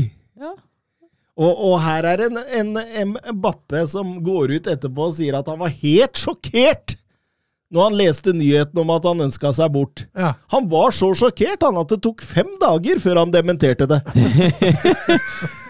Ja, Brukte eh, litt tid på å la sjokket legge. Ja, han har vel vært sjokkert over mye i det siste, han. Men, eh, men eh, altså, Marseille er med helt fram til det røde kortet her til Samuel Gigot. Um, han feier jo Neymar der, så Ah, Så du? Når Neymar ligger og ruller og skriker, så er det ingen Paris Saint-Germain-spillere som er borte og sier 'går det bra', eller? Selv om han har blitt karnefla av Gijo. Han veit det går bra. Ja, det Ja, men det, det, er jo noe med, det er jo noe med at han, altså han, han eh, skriker jo og bærer seg hele tida uansett, så når det for en gangs skyld faktisk var stygt og gjør vondt, så tar man jo ikke det alvorlig heller. Men, men der ryker jo sluttspurten til Ja. Marseille. Det gjør det, og da, fra da får jo PSG full kontroll. Og så er vel eh, Neymar også nære på å gi Messi en assist, da. Nesten. Kunne nesten gått uh, kula rundt der. Ja. Eh, og dermed vinner jo Paris Saint-Germain Le Classic eh, sin 20. kamp i, uten tap i Ligue Ø nå. Har vunnet 21 av 27 mot Marseille i QSI-æraen. Kun to tap, og det er kun Santet IE de har flere seire mot i denne perioden. Men de måtte grave dypt. Igor Tudor meldte etter kampen at det burde vært 4-4. Jeg er ikke helt enig med det. Kanskje 6-4. Ja. det har vært gøy, da. Ja, absolutt. Absolutt. Lill eh, vant over Strasbourg 0-3 borte. En Jonathan Daviden og Mats som virkelig tar stegene. Var det fordi jeg hadde han på Ja, Ja, ja. så han er virkelig god nå. ja, ja. Nei, ja det er gøy da. å se unggutta slå gjennom. Mm, absolutt. Er jo på veggen vår på talenter her, og har jo vært meget god denne sesongen. Og un under Fonseca, kanskje han lærer noen triks, jeg veit ikke, men eh, det ser veldig veldig bra ut. Har skåret faktisk 34,8% av alle Lills mål i ligaen, så det er mer enn noen annen i ligaen. Og så er det en skikkelig morsom greie. Dere veit jo at det har vært sack race i, i ligaen nå. Mm. Altså fem etter Det, det starta vel med Peter Bosch. Så fortsatte det med Oscar Garcia i rem. Og så gikk det til Forlan eh, i, i, eh, i Auxerre og, og Daloglio i Montepiller. Og Der Zakarian i Brest. Alle røyk. Og, og åpenbart her så er det jo det at fire lag rykker ned fra Ligue Ø denne sesongen, eh, gjør jo at eh, man blir ekstra varsom i styrerommet på denne tida. For nå går det an å, å justere og finne noe eh, Men det som var kult, det var jo det at eh, Ligue store overraskelseslag Loria møtte jo Rem, som var da uten Oscar Garcia, som har fått sparken. Og inn der, som caretaker, der har vi type. La meg presentere Will Still. Will Still. Will Still. Han er en belgisk-engelsk type. Født i 1992. Han, altså, han ble nettopp 30 år 14. oktober. Eh, han er såkalt FM-generasjon. Han har spilt FM og blitt gjort karriere ut av det. Altså, karrieren startet og har fått inspirasjon av FM. Han er den type Altså, den alle drømte om. Han er den som tok Aldershot og, og, og Oxford til Champions League-finalen, og satt hjemme på gutterommet og tenkte dette kan jeg òg. Så altså, det er, det er helt konge. Han starta som assistenttrener på U18-laget til Preston som 18-19-åring. Så gikk det slag i slag. Jobb i klubber som Standard Liège og Liège som analysesjef og speider, og, og til og med assistent. Og, og, og, han fikk jo ni kamper også som manager for Liège. Og så, var det Beershot som analysesjef og assistent, og så etter hvert nå da så gikk han som assistenten til Oscar Garcia, og nå har han fått lov å bli, selv om Oscar Garcia forlot. Og, og det var også han som leda eh, Rem i 0-0 mot Paris Saint-Germain der. Ja, morsomt. Fryktelig gøy. Ja, det der er her! Ja. Will Still! Want to watch? Ja, det der her er bare å følge med på, ass. Dette er skikkelig, skikkelig kult. Will Still er en av mine favorittmanagere allerede. Og han holder Loria til 0-0. Ja, Så han ah, Will Still. Du er nydelig. Um, Lauren Blad tapte i debuten. Uh, satte, satte opp laget i en 3-4-1-2-formasjon og var veldig sånn possession-orientert. Ikke veldig direkte. Og så, og så er det jo bare det at renn er bedre samspilte der òg. Nei, det ser veldig, veldig greit ut. Så gikk, så gikk Monaco på et uh, poengtap, et stygt poengtap hjemme mot Clermont Foot. Den er stygg. Spilte nok riktig hele kampen med ti spillere etter at Kamara fikk rødt kort etter 12-13 minutter. Aha, tidlig utvisning i lik Ø, det har jeg ikke hørt før. Ja, den fortsetter, vet du. Det, er- det, det, det, altså, det tar ingen ende på det der. Altså, jeg så Premier League hadde var det sju eller åtte røde kort. Ja. Neste på lista var La Liga, tror jeg. De hadde 18. Så altså Det gis jo ikke røde kort i Premier League lenger. Med mindre Altså, Nei, når VAR går jo under rette på alt sammen. Så. Gabriel eh, fikk ikke rødt kort nå, Ja. Chilwell fikk ikke rødt kort nå. Det burde nok hatt det. Ja. Så det, nei da, nei da. Men eh, Paris Saint-Germain nå har fått en trepoengsluke til Loria. Lance fortsetter å henge med i toppen der før Marseille, som er nå nede på fjerdeplass. Og så Will Still, da. Han Will Still og hans rem ligger på 15.-plass. Det hadde vært så kult om han hadde Han får jo det ikke, ikke sant? Men uh, hadde vært veldig morsomt. Vi avslutter med Europa-hørnet. Bra jobba, gutta! Bra ball! Nei! Ah, grei offside. Tor Håkon, den er grei. Tor Håkon! Nei, Tor Håkon, det var din egen skyld. Ikke bli sint for det, i hvert fall. da. Tor Håkon, ikke kjeft på dommeren. Og ikke kjeft på dommeren. Tor Håkon, nå hører du på dommeren. Det er hver gang, altså. Hver gang. er det der. Ok, europahjørnet her, eller hørnat, som man sier på svensk, Mats. Ja, Eller hjørne, da, som man sier på norsk, da, som jeg har. Du, jeg begynner, da, regner jeg med? Jeg tenkte vi skulle ta noen spørsmål først. jeg. okay. Vi har fått noen eh, europahjørnespørsmål. Jakub Baran. Hva er den største og beste derbyet i Øst-Europa etter deres mening? Det må jo være rødstjerne mot uh, Partizan. Beograd Derby? ja, det er det er det vi har innmari lyst til å besøke. Jeg trodde du ble drept der. jeg. Ah, det går nok fint. En, eh, det, det er deg? men regner man Tyrkia som Øst-Europa? Eh, Ja, det er jo akkurat det. det? Ja, altså, det er jo egentlig søs, men det er jo altså, Du tenker på Istanbul, det vi? Ja. Ja, det, det hadde vært fett, jo. Ja, men, men er det Tyrkia er vel ikke Øst-Europa? Nei, men det Det ligger, ligger øst i Europa. altså. øst, ja. Ja, men det, det blir vel ikke beregna som det som heter Østblokka, liksom? På Nei da, nei, det blir det ikke. Det er vel Balkan og noen andre land som Dinamo Zagreb, Hajuk Split òg skal Ja, være på den, lista. den, vet du hva, den skulle Jeg, jeg skal jo til London nå, var egentlig planen å dra til Split og se den. Mm. Heidok Split mot Dinamo Zagreb. Eh, men pga. helt elendig flyforbindelse, så ble det dessverre ikke noe av. Ja, okay. Du skulle til London, men egentlig hadde du tenkt å dra dit. Det Ja. var jo en voldsom Det er europahjørnet. Ja, det er Europa igjen. Men, eh, men det er, det, jeg har vært i Krakow og sett kamp. eh, Wisla Krakow mot Krakowia.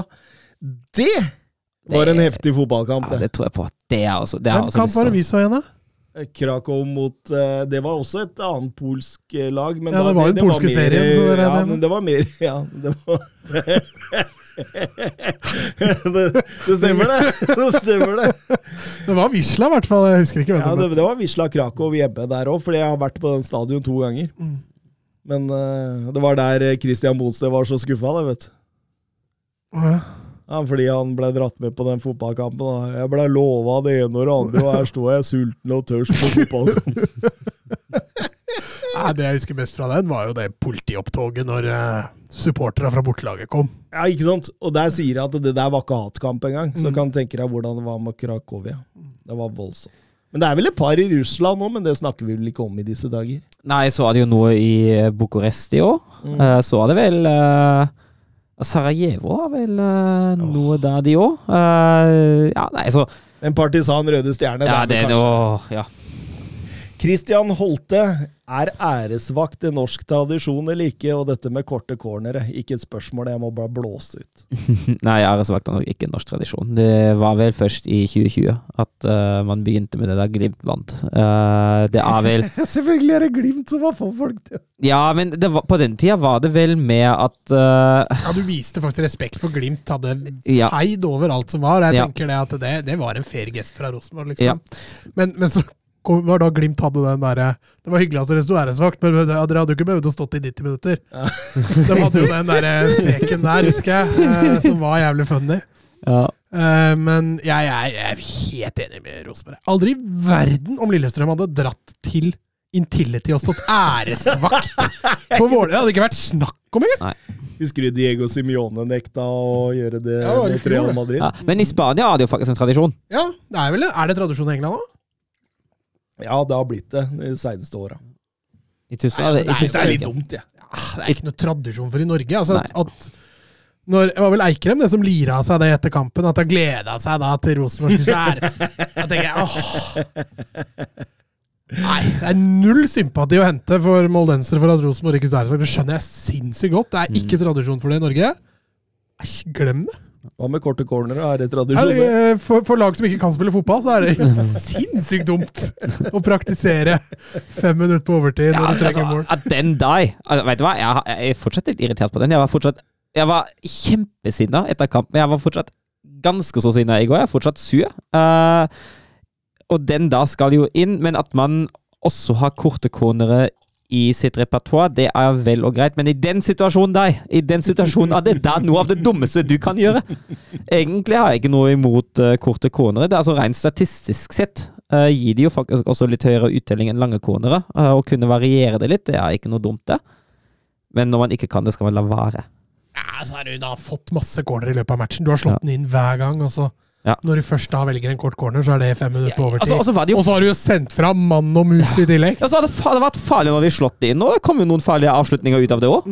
Altså, nei, jeg, ikke, ikke begynn engang. Jeg blir sur igjen. Anders Hansen, Jeg ser det der, De som stiller spørsmål i europahjørnet, det er veldig sånne europahjørnefolk. Ja, men det er jo hyggelig. Anders Hansen, Christian Holte, Jakub Baran. Det er, det, det, er- det, er- det er liksom Det er dudesa i europahjørnet. Det er ingen tvil om det. Anders Hansen, hvilke stadioner står øverst på ønskelista dere ønsker å besøke, eventuelt kule oppgjør å se? Jeg har, jeg har fire, eh, og tre er knytta til, til et oppgjør. Eh, det er det er helt, helt, helt på topp av det La Bombonera. Å se El Superclásico der, og La Bombonera, det er en drøm. Eh, det, det har jeg lyst til å oppleve en gang i livet, altså. Det, Er det Bocca River? Ja. og det er hjemmebanen til, til Bocca. Det er den som ser ut eh, Den altså, som har en sånn Ja, vegg, ja. Ja, den ene veggen. Den, eh, den har jeg Altså stemninga på argentinsk fotball, da, det, alle de sangene de har der og Nei, det, Men det er litt skummelt når du ser de videoene av tribunen, når alle står der og hopper. Du ser sprekkene som beveger seg. Det er nummeret før det raser. vet du. Ja, men det, Ikke det alltid hatt konstruksjonsarbeidet i disse Altså, jeg er veldig spent på vedlikeholdsarbeidet der også. Jeg tror ikke det er helt gjenhold henhold alltid heller. Så har jeg jo ekstremt lyst å besøke San Siro og se Milan Derby der. Uh, det rives jo forholdsvis snart. Uh, Ikke Giuseppe Meazza, altså. Hva var det San Siro Ja. høres kulere ut. Ja, det er enig i det. San Siro. Så den, den har jeg veldig lyst, og så har jeg også veldig lyst å se Glasgow Derbyet på Celtic Park. Eh, det er det tredje oppgjørsdagen som jeg har ekstremt lyst til å besøke. Og så finnes det jo sett så mange fine videoer av det. Det finnes jo et stadion i Slovakia der det går en damplokomotiv mellom Ja. tribunen og banen, og den står høyt oppe på ønskelista, det nå. Ja, men da Ta bare det toget, da. Du bør jo ikke gå på stadion. Bare ta toget. Og så har du footballergy-appen din oppe akkurat Ja, når toget jo- passerer, så er du på match. Ja, men vi skal jo se 90 minutter, jeg. Nå er jeg på kamp. Ja, okay, Skal jeg se hele. Må ta toget tilbake nå, da. Rangers eh, Celtic er også en drøm. Det samme med Benfica Porto. Jeg, tror det bra. jeg har vært i Porto. Det er bra liv der, altså. Bra liv.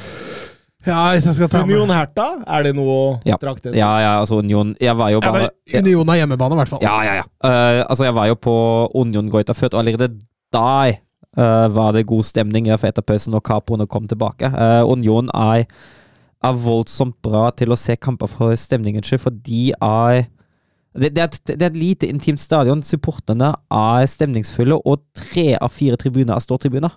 Og så er det med en av de kuleste introlåtene. Ja. Eizan Union. Men eh, er det ikke ganske lang venteliste der for billetter? Jo, det er nesten lettere å få det via bortesupporterne. Nei, Mats, du må ta kort om Lillestrøm. Der vi begynner å gå Ja, jeg skal ikke nevne kamper, jeg vil Nei, det er greit, det. Lillestrøm, Molde, eh, det blei en eh, jevn ja, men hadde, du, hadde du noen flere kamper, eller? Jeg Nei, jeg bare tenkte tenkte på Betis Sevilla, ja. Det er ja, kanskje ja, ja, ja, den, men det har vi eh, snakka om før. Det, det, det, men det skal vi på en gang. Ja, ok. Ja. Husk å bestille flybillett til meg da, når dere skal dit. Vi tar båt. Vi skal ta tog gjennom Slovakia, har jeg hørt noen rykter om. Nei, jeg får med på det. Så lenge vi har med oss reiseleder, eh, onkel Reisende Max Ørn Dunker, så tror jeg det skal gå bra. Da tror jeg du og jeg trenger bare å møte opp, så går resten av seg sjøl. Han har til og med med passord. Ja, det er. Han fyrer an med rumpetaska si! Ja. men, men du er sånn som liksom, hvis du drar på guttetur, så, så, så sender du en sjekkliste til alle gutta på Messenger. Nei. Du gjør ikke det, Nei, jeg gjør ikke ja, men det. For det trenger jeg og Mats, skjønner du. Ja, men da, da skal jeg gjøre det med dere. Det er greit. Da skal dere få. To boksere. Bare to? Skal ikke på verre tur enn det, nei. skal bare ha med en liten sekk.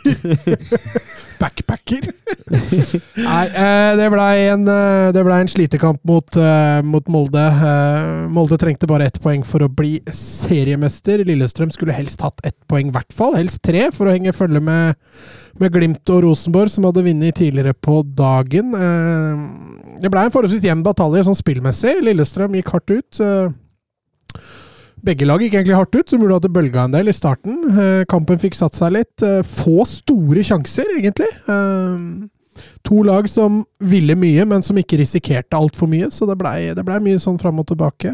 Og så er det som Søren har vært innpå. Avgjørelsen falt ikke før i det 95. minutt, da Lillestrøm bestemte seg for å ta en kort corner. og når Lillestrøm bestemmer seg for sånne ting altså det, det er sjanse, dette motstanderlaget, umiddelbart, når man skal prøve på noe, på noe sånt. uh, tullball. Og eh, en grov feilvurdering av Magnus Knutsen og Kan Karin der som eh, Nei, jeg veit ikke hva de tenker på. Jeg tror de er, Det er hjerneblødning, altså. Skikkelig. Fofana tar ballen fra, fra, fra Karin og bare setter fart. Eh, møter ikke motstand før Matthew begynner å presse litt nærmere 16-meteren. Slår en tunnelpasning til Hussein, som har eh, danseplass. Og vips 0-1, eh, fem minutter på overtid. Og eh, Molde fortsetter da seiersrekka si på 13 strake seire, som er, eh, er vel eliteserierekord, tror jeg. Ja. Så da eh, tapte Lillestrøm altså tre av sine fire siste kamper, som var mot disse antatte topplagene, og det, det lukter ikke medalje.